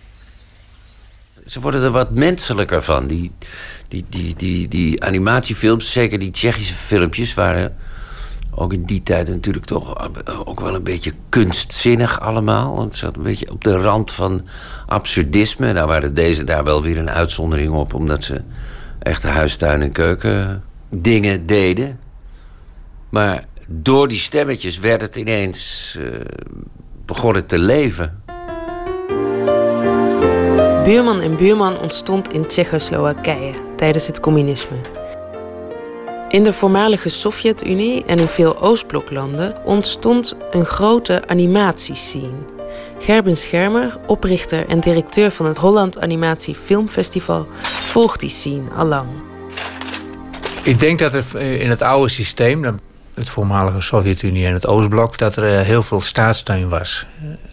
En dat, er dus een studiostructuur is gekomen in, in dat soort landen, waar mensen gewoon konden, het vak konden leren en films konden maken. Rusland had Soyuz film, eh eh, Tsjechoslowakije had Kratky film, eh, Estland had Tallinn film, dus elk land had zijn eigen studio. Film werd natuurlijk altijd gezien als het, het beste bindmiddel voor de bevolking. Dat hadden die communisten door. Dat was natuurlijk ook, eh, dat was al voor de oorlog, eh, jaren twintig, ging natuurlijk de eerste propagandatrein al het land door, de agitprop, met filmvoorstellingen. Zie je dat ook als je naar die oude films, eh, dus tot 89 kijkt, in Tsjechoslowakije, maar ook in andere Oost-Europese landen, zie je dan ook dat de overheid daar een boodschap mee probeert over te dragen? Dus zijn het een soort propagandafilms over het algemeen?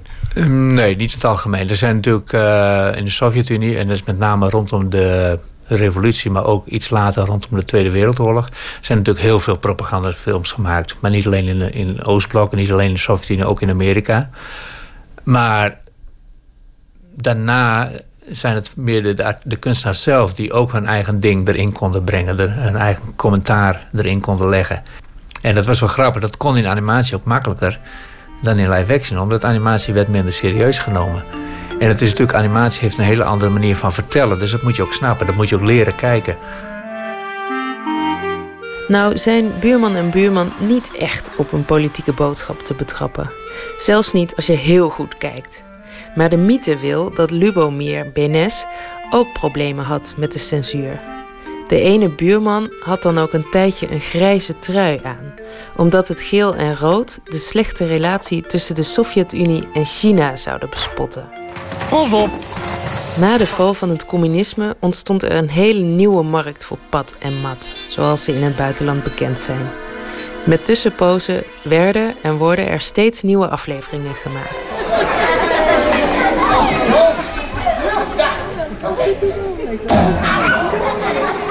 En buurman en buurman zijn dus op het toneel te vinden.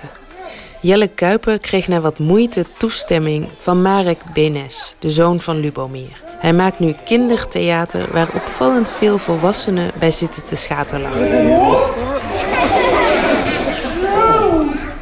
Inmiddels is Kuiper door de Tsjechen zelfs gevraagd om nieuwe afleveringen te schrijven. Hij bezocht een tijdje geleden de studio in Praag. Ja, ik ben daar geweest. Een, ja, echt in een soort, ja, ik zeg altijd, het Diemen van Praag. Eh, Gewoon een soort buitenwijk en in een flat ergens. En daar drie deuren. En dan staat daar, eigenlijk verwacht je natuurlijk een hele studio. En denk je van, want ik keek daar echt heel erg naar uit. En dan kom je eigenlijk een soort rommelzolderachtig ding. Waar in een hoekje staat dat decor. Wat je denkt, oh ja, dat klopt. Het is, het is buurman en buurman, maar zo ziet het er ook uit. Ook Kees Prins bezocht de studio. En hij werd toch een tikje emotioneel toen hij de, de echte buurman in zijn handen hield. Als je dan die echte poppetjes waar ze dat ook mee doen, als je die in je hand hebt, dan is het toch. Ik weet niet wat er gebeurt, maar dan denk je toch. Ja, maar dit zijn ze dus. Dus dan overvalt je er toch een soort eh, ja, bewondering voor. Of, eh, dan komt er toch een soort. Ja, het wordt toch bijna emotioneel. Dat je denkt, ja, nou, hier is het dus. Hier maken ze al die, die filmpjes.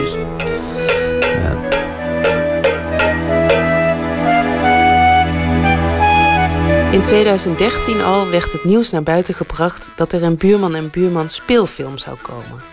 In 2015. Maar inmiddels rept de producent van 2018. Kees Prins werd gevraagd voor het scenario. En dat blijkt nogal een worsteling. Nee, het scenario is nog steeds niet af. We zijn inmiddels aan het derde uh, compleet nieuwe script bezig. En dat had ook niemand verwacht. Je denkt, nou ja, je maakt zo'n scenario en dan is het uh, goed en dan, uh, en dan maak je die film. Maar in dit geval, door de restricties van dat je maar met twee figuren zit en dat het animatie is en dat uh, je een script moet hebben wat, wat recht doet aan het buurman en buurman gevoel, of wordt het blijkt het ve- oneindig veel ingewikkelder dan uh, van tevoren bedacht. Je zou ook kunnen zeggen van ja, nou ja, um, oké, als we er al drie jaar mee bezig zijn met die film, misschien is het ook wel een ingewikkeld idee, weet je wat, ik heb nog wel wat anders te doen. Uh, laat iemand anders die film maar schrijven. Maar dat kan ik toch niet over mijn hart verkrijgen. Dan denk ik, nee, helemaal niet. Dat zijn, uh, het zijn onze buurmannetjes, denk ik dan. Ze gaan je wel na aan het hart staan. Dus dat is wel waar, dat je, dat je gek genoeg... dus met uh, dus totale abstracte teken, poppenfilmfiguurtjes... dat je daar toch een zekere band mee opbouwt, ja. Nou, Het ziet er goed uit, hoor. fantastisch. Beetje groot wel.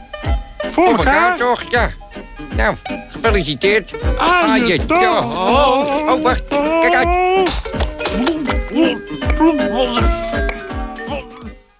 Een aantal nooit eerder vertoonde buurman en buurmannen zijn te zien in de bioscoop op het moment. De voorstelling van Jelle Kuiper die toert ook nog door het land. En de film met het scenario van Kees Prins wordt verwacht in 2018.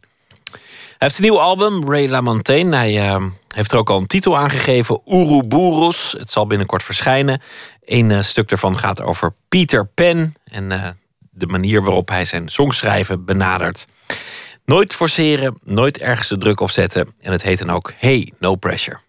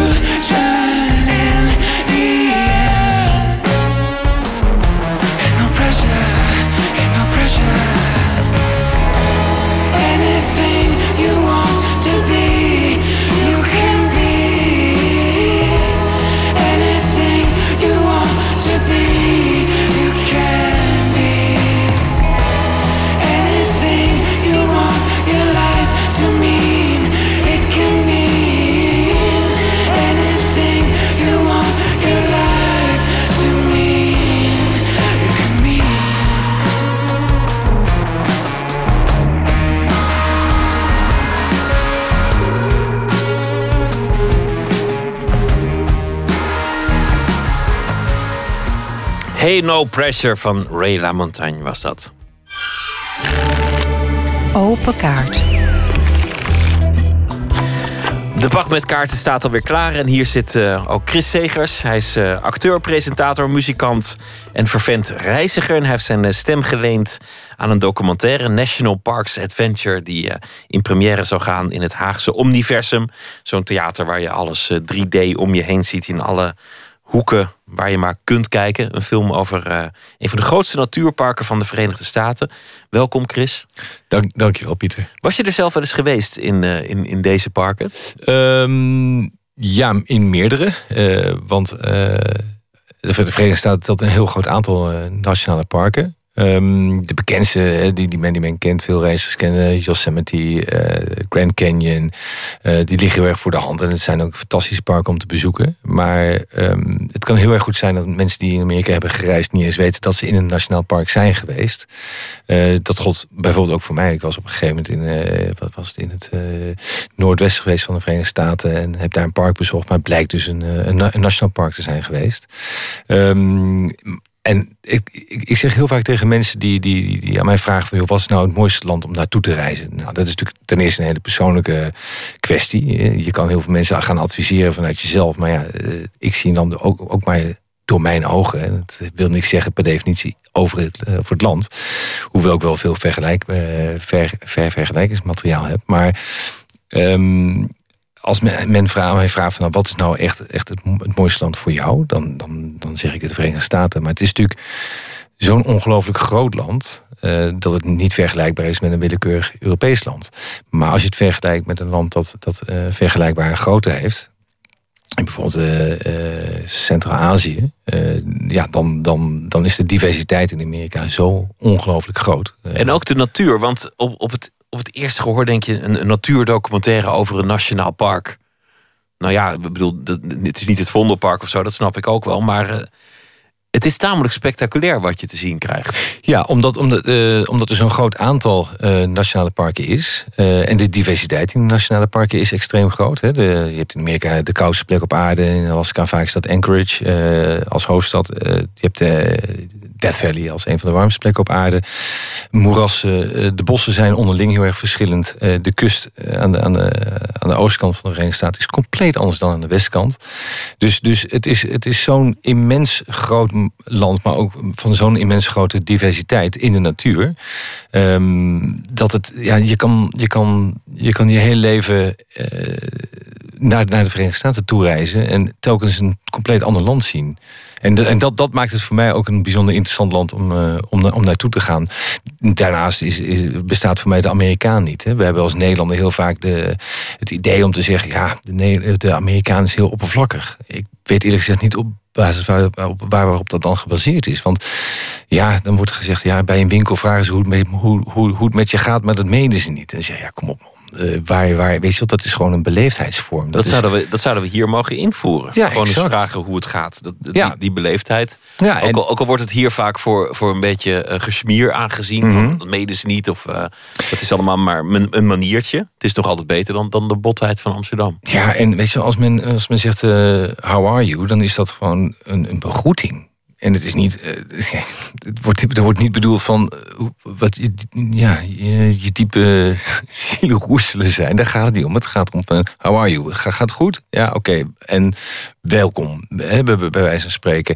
En ik vind, ja, de Amerikaan bestaat voor mij niet, want de diversiteit in de Amerikaan is ook zo eh, ex- extreem groot. Het is ook zo'n groot land en, en zo veelzijdig. Laten we beginnen met eh, de kaart. En dan komen we Ja. vanzelf wel over, over de rest eh, te spreken. Ook al misschien over de film.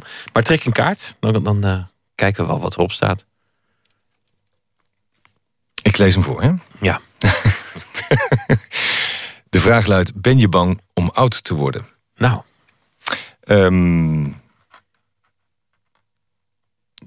het an- antwoord. ehm, nou, bang is, is natuurlijk. eh, mijn leven. ehm, ik heb weinig angst in het leven. Eh, maar ik kan wel zeer bezorgd zijn. Eh, eh, ten meer omdat ik sinds een aantal jaar vader ben geworden. En daardoor sta ik anders in het leven. Ehm, dus dus mijn, mijn, mijn zorg voor, voor mijn kinderen is het, is, het belangrijkste element in mijn leven. Ehm, dus ben ik bang om oud te worden? Nee, juist niet. Omdat ik zo lang mogelijk hier wil zijn. Ook voor, voor mijn kinderen en voor mijn geliefden. Dus nee, ik hoop juist dat ik heel erg bang ben. Of heel erg oud word. En angst aan zich speelt een kleine rol in mijn leven, in mijn eigen leven. Ehm, omdat ik heel erg altijd met vertrouwen de toekomst tegemoet wil treden. En uh, op basis ook van het verleden heel veel vertrouwen heb. Dat, uh, dat heel veel dingen goed zullen komen. En ook dingen, ik vind het een, een inherent aan het leven. Um, dat, dat ook heel veel elementen in, in het leven fout gaan. En ik, ik, ik vind het een uitdaging om het leven om dat te accepteren. En, en dat tot me te nemen. Wellicht me daarin te on, of mezelf te ontwikkelen. Denk je dat je er goed in zult zijn om oud te zijn? Want, want je, hebt, je hebt het met een zekere verve gedaan als, als jonge man. Ja. Dat, dat, dat was een rol die jou paste. De, de jonge man, de avonturier, de knappe man. Uh, de, de jongen die, die een graag geziene gast was op, op allerlei gelegenheden. Mhm. Wat zou je rol zijn als oude man? Um, nou, ik heb, ik heb het idee dat ik het jongensachtige uh, zal houden. Ik, ik heb het idee dat ik uh, over twintig jaar nog steeds uh, op mijn knieën zit te knikkeren, bij wijze van spreken, met mijn zoon. Maar dan, ik denk dat hij me heel vreemd aankijkt, omdat hij dan 24 is. Maar dus ik, ik, ik zie mezelf wel uh, een bepaalde speelsheid houden. Aan de andere kant uh, ben ik een heel serieus persoon juist. Alleen die kant heeft men over het algemeen minder gezien. Omdat die uh, iets minder naar voren komt in het reisprogramma bijvoorbeeld. Waarbij ik heel veel overdraag vanuit beleving. Um, dus de, de, de wat serieuze kant, die, die heb ik al, die draag ik ook mijn hele leven al uh, in me. Alleen die, die, die is minder gezien, inderdaad. Um, dus hoe zou, hoe zou ik die, uh, uh, die leeftijd dragen? Ik, ik vind het juist heel erg fijn om in rust te zijn. En ehm, met mezelf. Hè, dus ik kan heel erg bij mezelf blijven. Um, los of, of, wel of niet introspectief.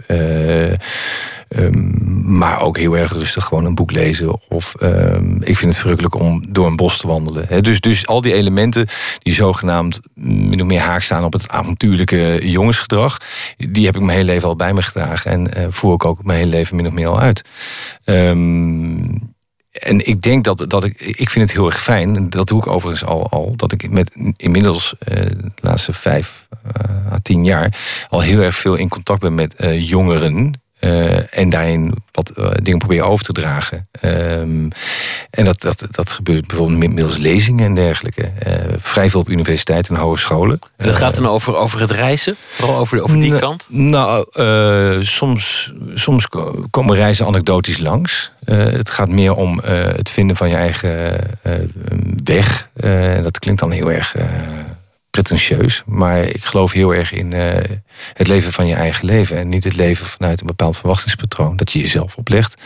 Of dat wordt opgelegd vanuit je omgeving. Of vanuit onze geconditioneerde samenleving.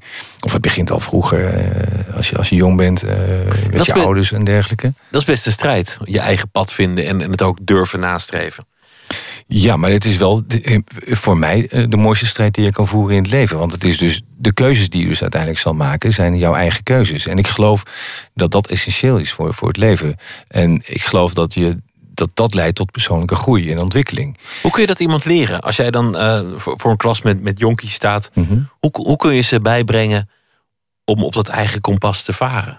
Het helpt heel erg om uh, anekdotisch uh, te vertellen. Wat, wat, vertel je dan voor anekdotes? Ik, uh, nou, ik, ben, ik ben op mijn zestiende uh, heb ik een keuze bijvoorbeeld moet, moeten maken wat ik dan vanaf mijn achttiende ga doen als je van de middelbare school afkomt. Nou, dat wordt je vanaf je, op je zestiende wordt min of meer van je verwacht. Van oké, okay, dit wordt de beslissing van je leven. Want nu ga je bepalen wat je gaat worden. He, dus min of meer, eerst heb je dat vakkenpakket gekozen en dan moet je die studierichting gaan bepalen. jij koos economie in der ja, tijd? Ik koos economie, omdat ik eigenlijk niet wist uh, waar mijn talenten lagen. Uh, als ik die al had. Maar goed, ik denk dat iedereen een talent heeft. Uh, meerdere. Maar dat, dat, dat doet niet, niet echt de zaken. Waar het om gaat, is dat je op die leeftijd min of meer wordt geacht te weten wat je wil gaan doen. En ik geloof, ik geloof dat dat logisch is, omdat je een volgende stap gaat maken. Wat ik niet logisch vind, is dat heel veel mensen vasthouden aan die eerste keuze en stap. Ik heb toen economie gekozen, want ik vond het een algemene studie, hè, waarmee dus daarna nog allerlei kanten op kan. Maar heel veel mensen die rechten kiezen, of economie, of welke andere studie ook, of wellicht eh, op een achttiende eh, willen gaan werken in het bedrijfsleven, of in een winkel, of eh, wat dan ook, die houden vast aan die eerste keuze. Hè? Want ik heb in mijn geval zes jaar gestudeerd. Ja, als ik nu niet in het bedrijfsleven ga werken, dan zijn die zes jaar voor niks geweest. En dan zit je er zo lang van. Zou je nog een, een grote keuze gaan maken misschien in je leven? Want je, je bent van acteur aanvankelijk presentator geworden. Mhm. Eh, dat reizen is heel erg bij je gaan horen. Mhm. Nu de natuur, dat, dat komt er geleidelijk aan steeds meer bij. Kan je je voorstellen dat er nog een grote stap komt? Dat het roer nog een keer radicaal omgaat? Ja, want ik geloof dat, dat je elke, elk moment in je leven kan je, kan je zo'n grote verandering eh, aansturen. Of kan je een keuze maken om je leven ehm, eh, ja, om, of, om, om, om in dat, op dat eigen pad gewoon een afslag te, te nemen. En, Al en- enig idee wat het zou zijn? Je, je, je volgende grote stap? Ehm, nee. Nee, maar het, het, het is wel. eh, ik heb bijvoorbeeld een aantal jaren geleden. eh, had ik besloten om het klooster in te gaan. Een jaar lang. Eh, en ik wist ook precies waar. En ik had al met, met een aantal monniken gesproken. Want tijdens mijn studietijd heb ik heel veel in kloosters gezeten. Om studiestof tot me te nemen. Omdat ik me daar best kon concentreren. Dat lukte thuis niet. En eh, dat heeft me altijd aangetrokken. Ehm, ik heb ook een aantal do- documentaires gezien eh, over het kloosterleven. En het sprak mij heel erg aan. Juist omdat wat je net al aangaf. Dat jongensachtige eh, leven. Hè, dat avontuurlijke leven. eh, waarbij je de hele wereld mag zien voor een reisprogramma in, eh, in mijn geval. Maar waar ik ook met een kleine krakkemikkige auto door Afrika heb gereden. Of de Dakar Rally heb gereden. wat, wat, wat het vrij uiteenlopende activiteiten. Ik vind het heel interessant om dan aan de andere kant eh, een extremum te zoeken. En dat was in mijn geval een jaar lang het klooster ingaan. Dat is uiteindelijk er niet van gekomen door omstandigheden. Maar ik, ik nam die beslissing redelijk impulsief. Dat is in twee maanden ontstaan. En, eh, en ik, ja, ik voelde me klaar voor om dat, te, om dat te gaan doen. En waar het mij om gaat is niet zozeer per definitie... eh, ja, het is heel erg bijzonder denk ik om het kloosterleven te onderzoeken. Hè, eh, maar waar, waar ik op uit ben is van, oké, wat gaat het met, met mij doen? Wel, welke prikkel krijg ik? En, en wat leidt dat binnen mijzelf eh, tot, eh, tot nieuwe inzichten? Dat, dat vind ik het enige interessante aan het leven. Om continu een, een, een nieuwe ervaring op te doen. Eh, dat leidt tot een nieuwe herinnering, wat ik kan meenemen in mijn leven. En, en waardoor ik een volgend iets wat op mijn pad komt, een mogelijkheid wellicht, steeds beter leer te ontdekken. En te herkennen als een mogelijkheid die voor mij bestemd is. Dat is voor mij de, eh, heel Om ook om jezelf te leren kennen. Trek nog een kaart. De vraag, heb je wel eens stiekem een foto van iemand gemaakt? Heb je wel eens stiekem een foto van iemand Stiekem. gemaakt? Hier gaat het om het woord stiekem. Want Ja, je hebt vast wel eens een foto gemaakt, maar terwijl diegene Ja. dat niet wist of niet wilde. Ehm, ja, ik denk het wel. Ehm even te denken. Want ik, ehm, ik heb pas sinds twee jaar een eh, zogenoemde, eh, zogenaamde smartphone... eh, waarop je kan fotograferen. Dus ik, was, eh, ik ben zeer laat in dat soort Ja. ontwikkelingen. Ehm, en voorheen heb ik nooit... ik heb één keer zo'n zo'n wegwerpcameraatje meegenomen op een reis... En dat was eigenlijk omdat, we altijd, rij, omdat ik altijd reisnoten heb en had... die, die aan de lopende band foto's namen. Dus ik voelde me niet geroepen om die foto's te nemen. Dus al die reizen was je niet aan het fotograferen? Nee, want je wij hadden- onthouden, maar niet vastgelegd. Nee, ehm, wij, eh, wij reizen nu met drie A4 me- mensen als we op pad zijn. En vroeger was het met, eh, met z'n vijven. En er was altijd wel iemand, de, de, vaak de redacteur, de producer, die, eh, die foto's nam. Of een cameraman of een geluidsman. En ehm, dat was natuurlijk voor mij eh, fantastisch. Want ik kreeg na de reis altijd een pakketje met foto's. Of eh, later in het, eh, in het di- digitale tijdperk allemaal, allemaal di- digitale foto's. Dus ik heb, ik heb een enorme database van, van allerlei foto's. Maar ik heb geen, geen enkele foto zelf genomen. Ja. Chris Segers, dankjewel. Uh, de documentaire heet National Parks Adventure. En die gaat 15 februari in première in het eh, Haagse Omniversum. Dankjewel, goeienacht. Jij ook. New Orleans. En het is eh, Soul uit 1971 van soulzanger King Floyd. Don't Leave Me Lonely.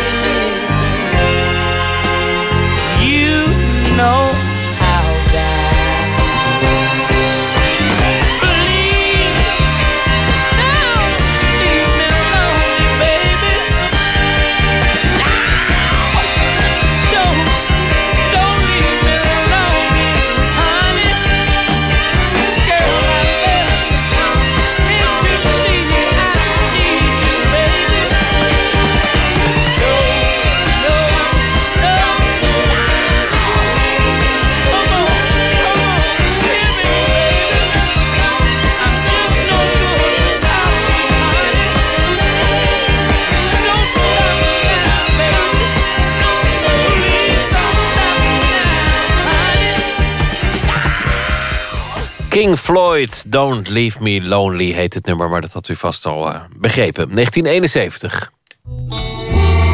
Nooit meer slapen. Het was een groot feest in Amsterdam, want Amsterdam heeft eh, sinds vandaag een nieuwe stadsdichter. Hij werd ingehuldigd, de nieuwe stadsdichter van Amsterdam, K. Schippers. Hij heeft eh, beroemde voorgangers, Menno Wigman, F. Starik, Anna Enquist en onze nachtcorrespondent Tom Klaassen. Het is, eh, lijkt me een spannende keuze, toch? K. Schippers. Wat vind jij?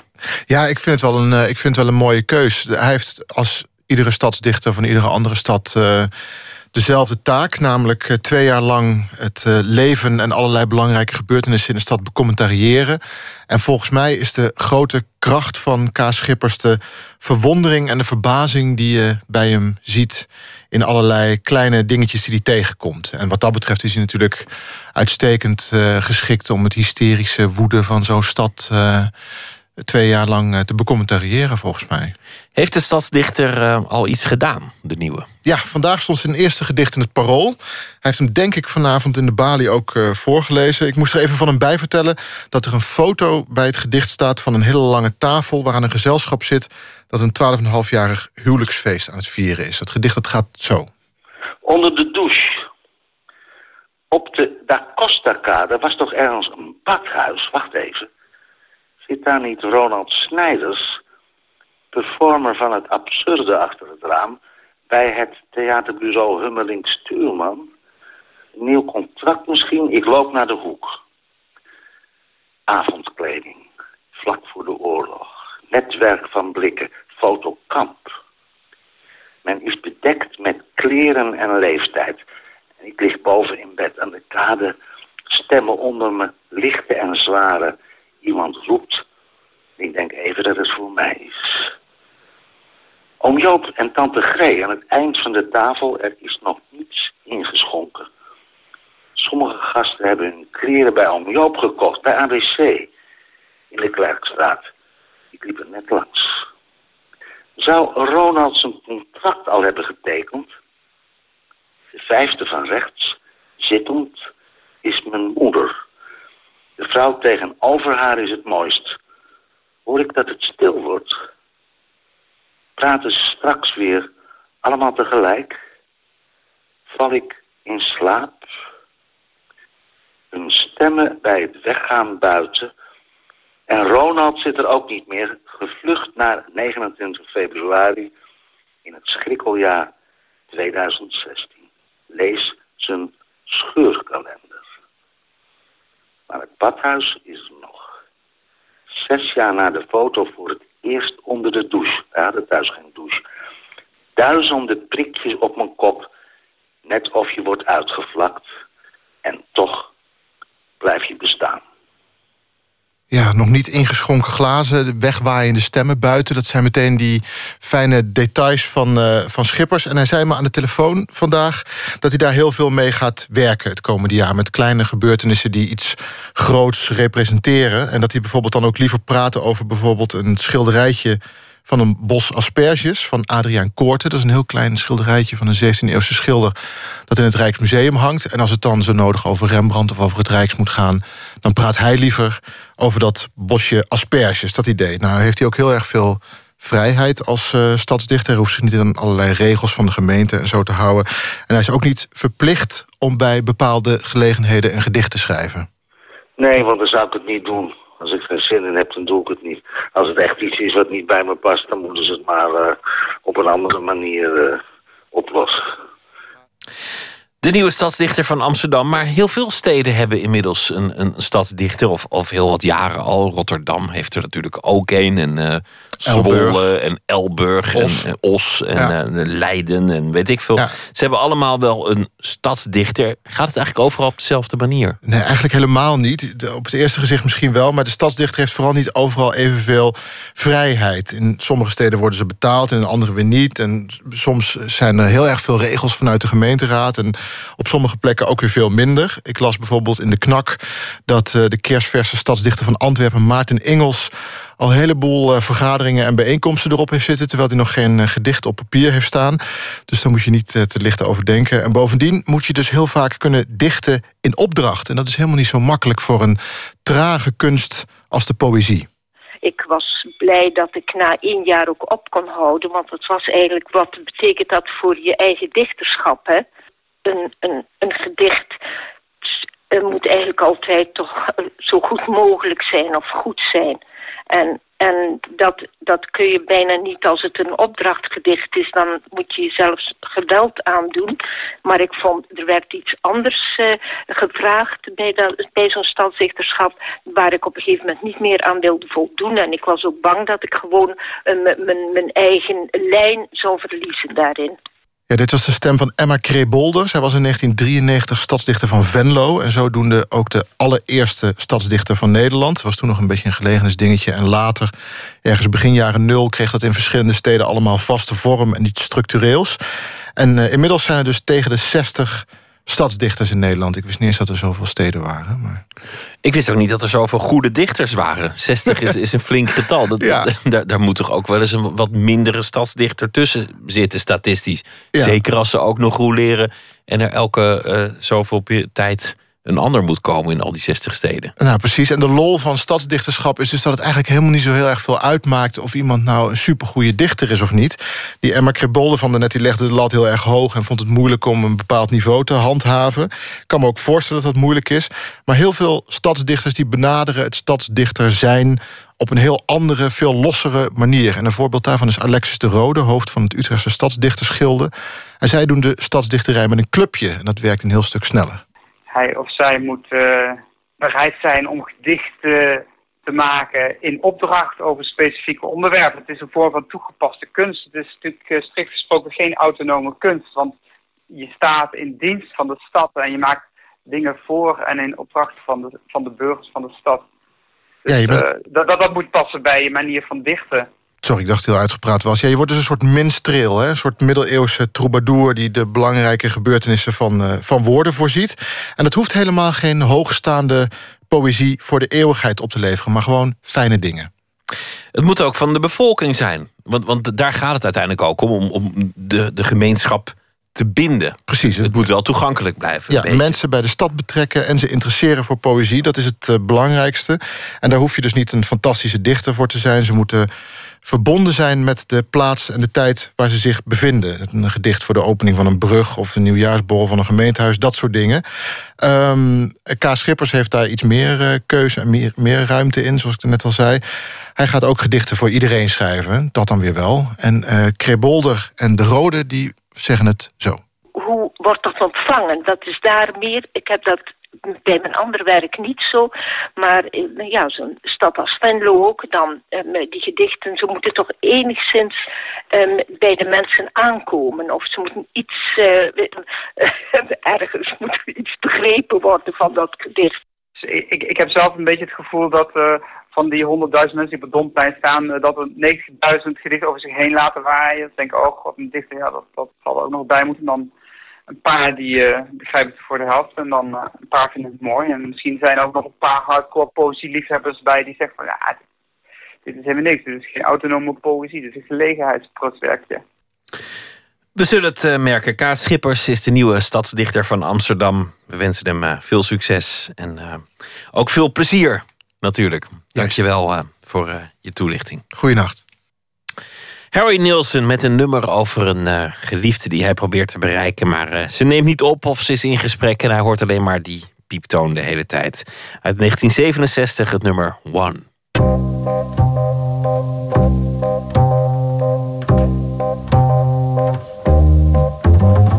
One is the loneliest number that you'll ever do.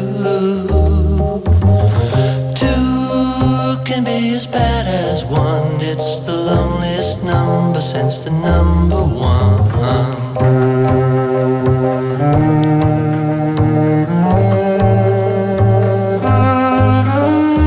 No is the saddest experience you'll ever know. Yes, it's the saddest experience you'll ever know. Because one is the loneliest number that you'll ever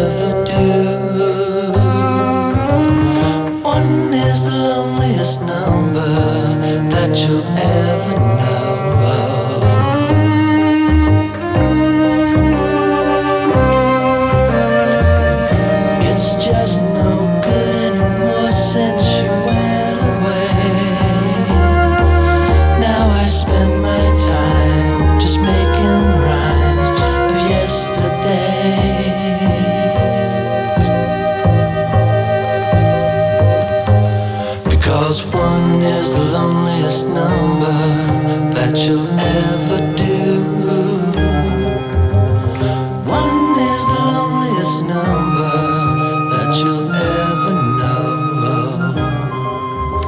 Harry Nielsen met het nummer One. Fred Penninga is schrijver en dichter en hij zal deze week elke nacht een gedicht uitkiezen en voordragen.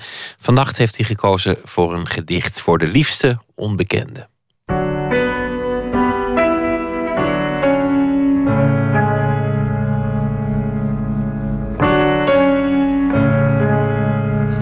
Vanavond wil ik een gedicht lezen van een nog levende dichter.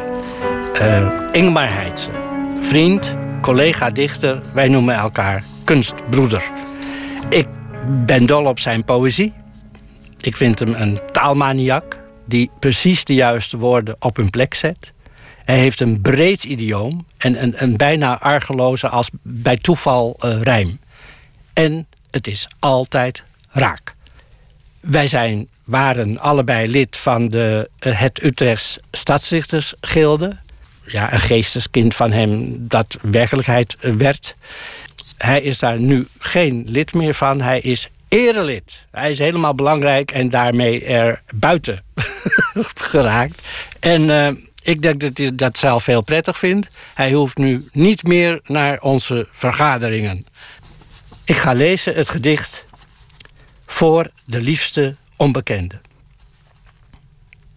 Wat ben ik blij dat ik je nog niet ken. Ik dank de sterren en de maandag dat iedereen die komt en gaat de diepste sporen achterlaat behalve jij. Dat jij mijn deuren dicht of open steeds voorbij gelopen bent. Het is maar goed dat je me niet herkent. Kussen onder straatlantaarns en samen dwalen door de regen, weer verliefd zijn, weer verliezen, bijna sterven van verdriet, dat hoeft nu allemaal nog niet. Ik ben nog niet aan ons gehecht. Ik kijk bepaald niet naar je uit. Neem de tijd als je dat wilt. Wacht een maand, een jaar, de eeuwigheid en één seconde meer. Maar kom voor ik mijn ogen sluit. Een gedicht van Ingemar Heitse, gelezen door Fred Penninga voor de liefste onbekende. Dit was Nooit meer slapen. Morgen zijn we er weer en dan komt schrijver Walter van den Berg langs. Onder meer om te praten over zijn nieuwe roman Schuld. Over de wereld van Amsterdam West. Goeienacht en eh, graag weer tot morgen.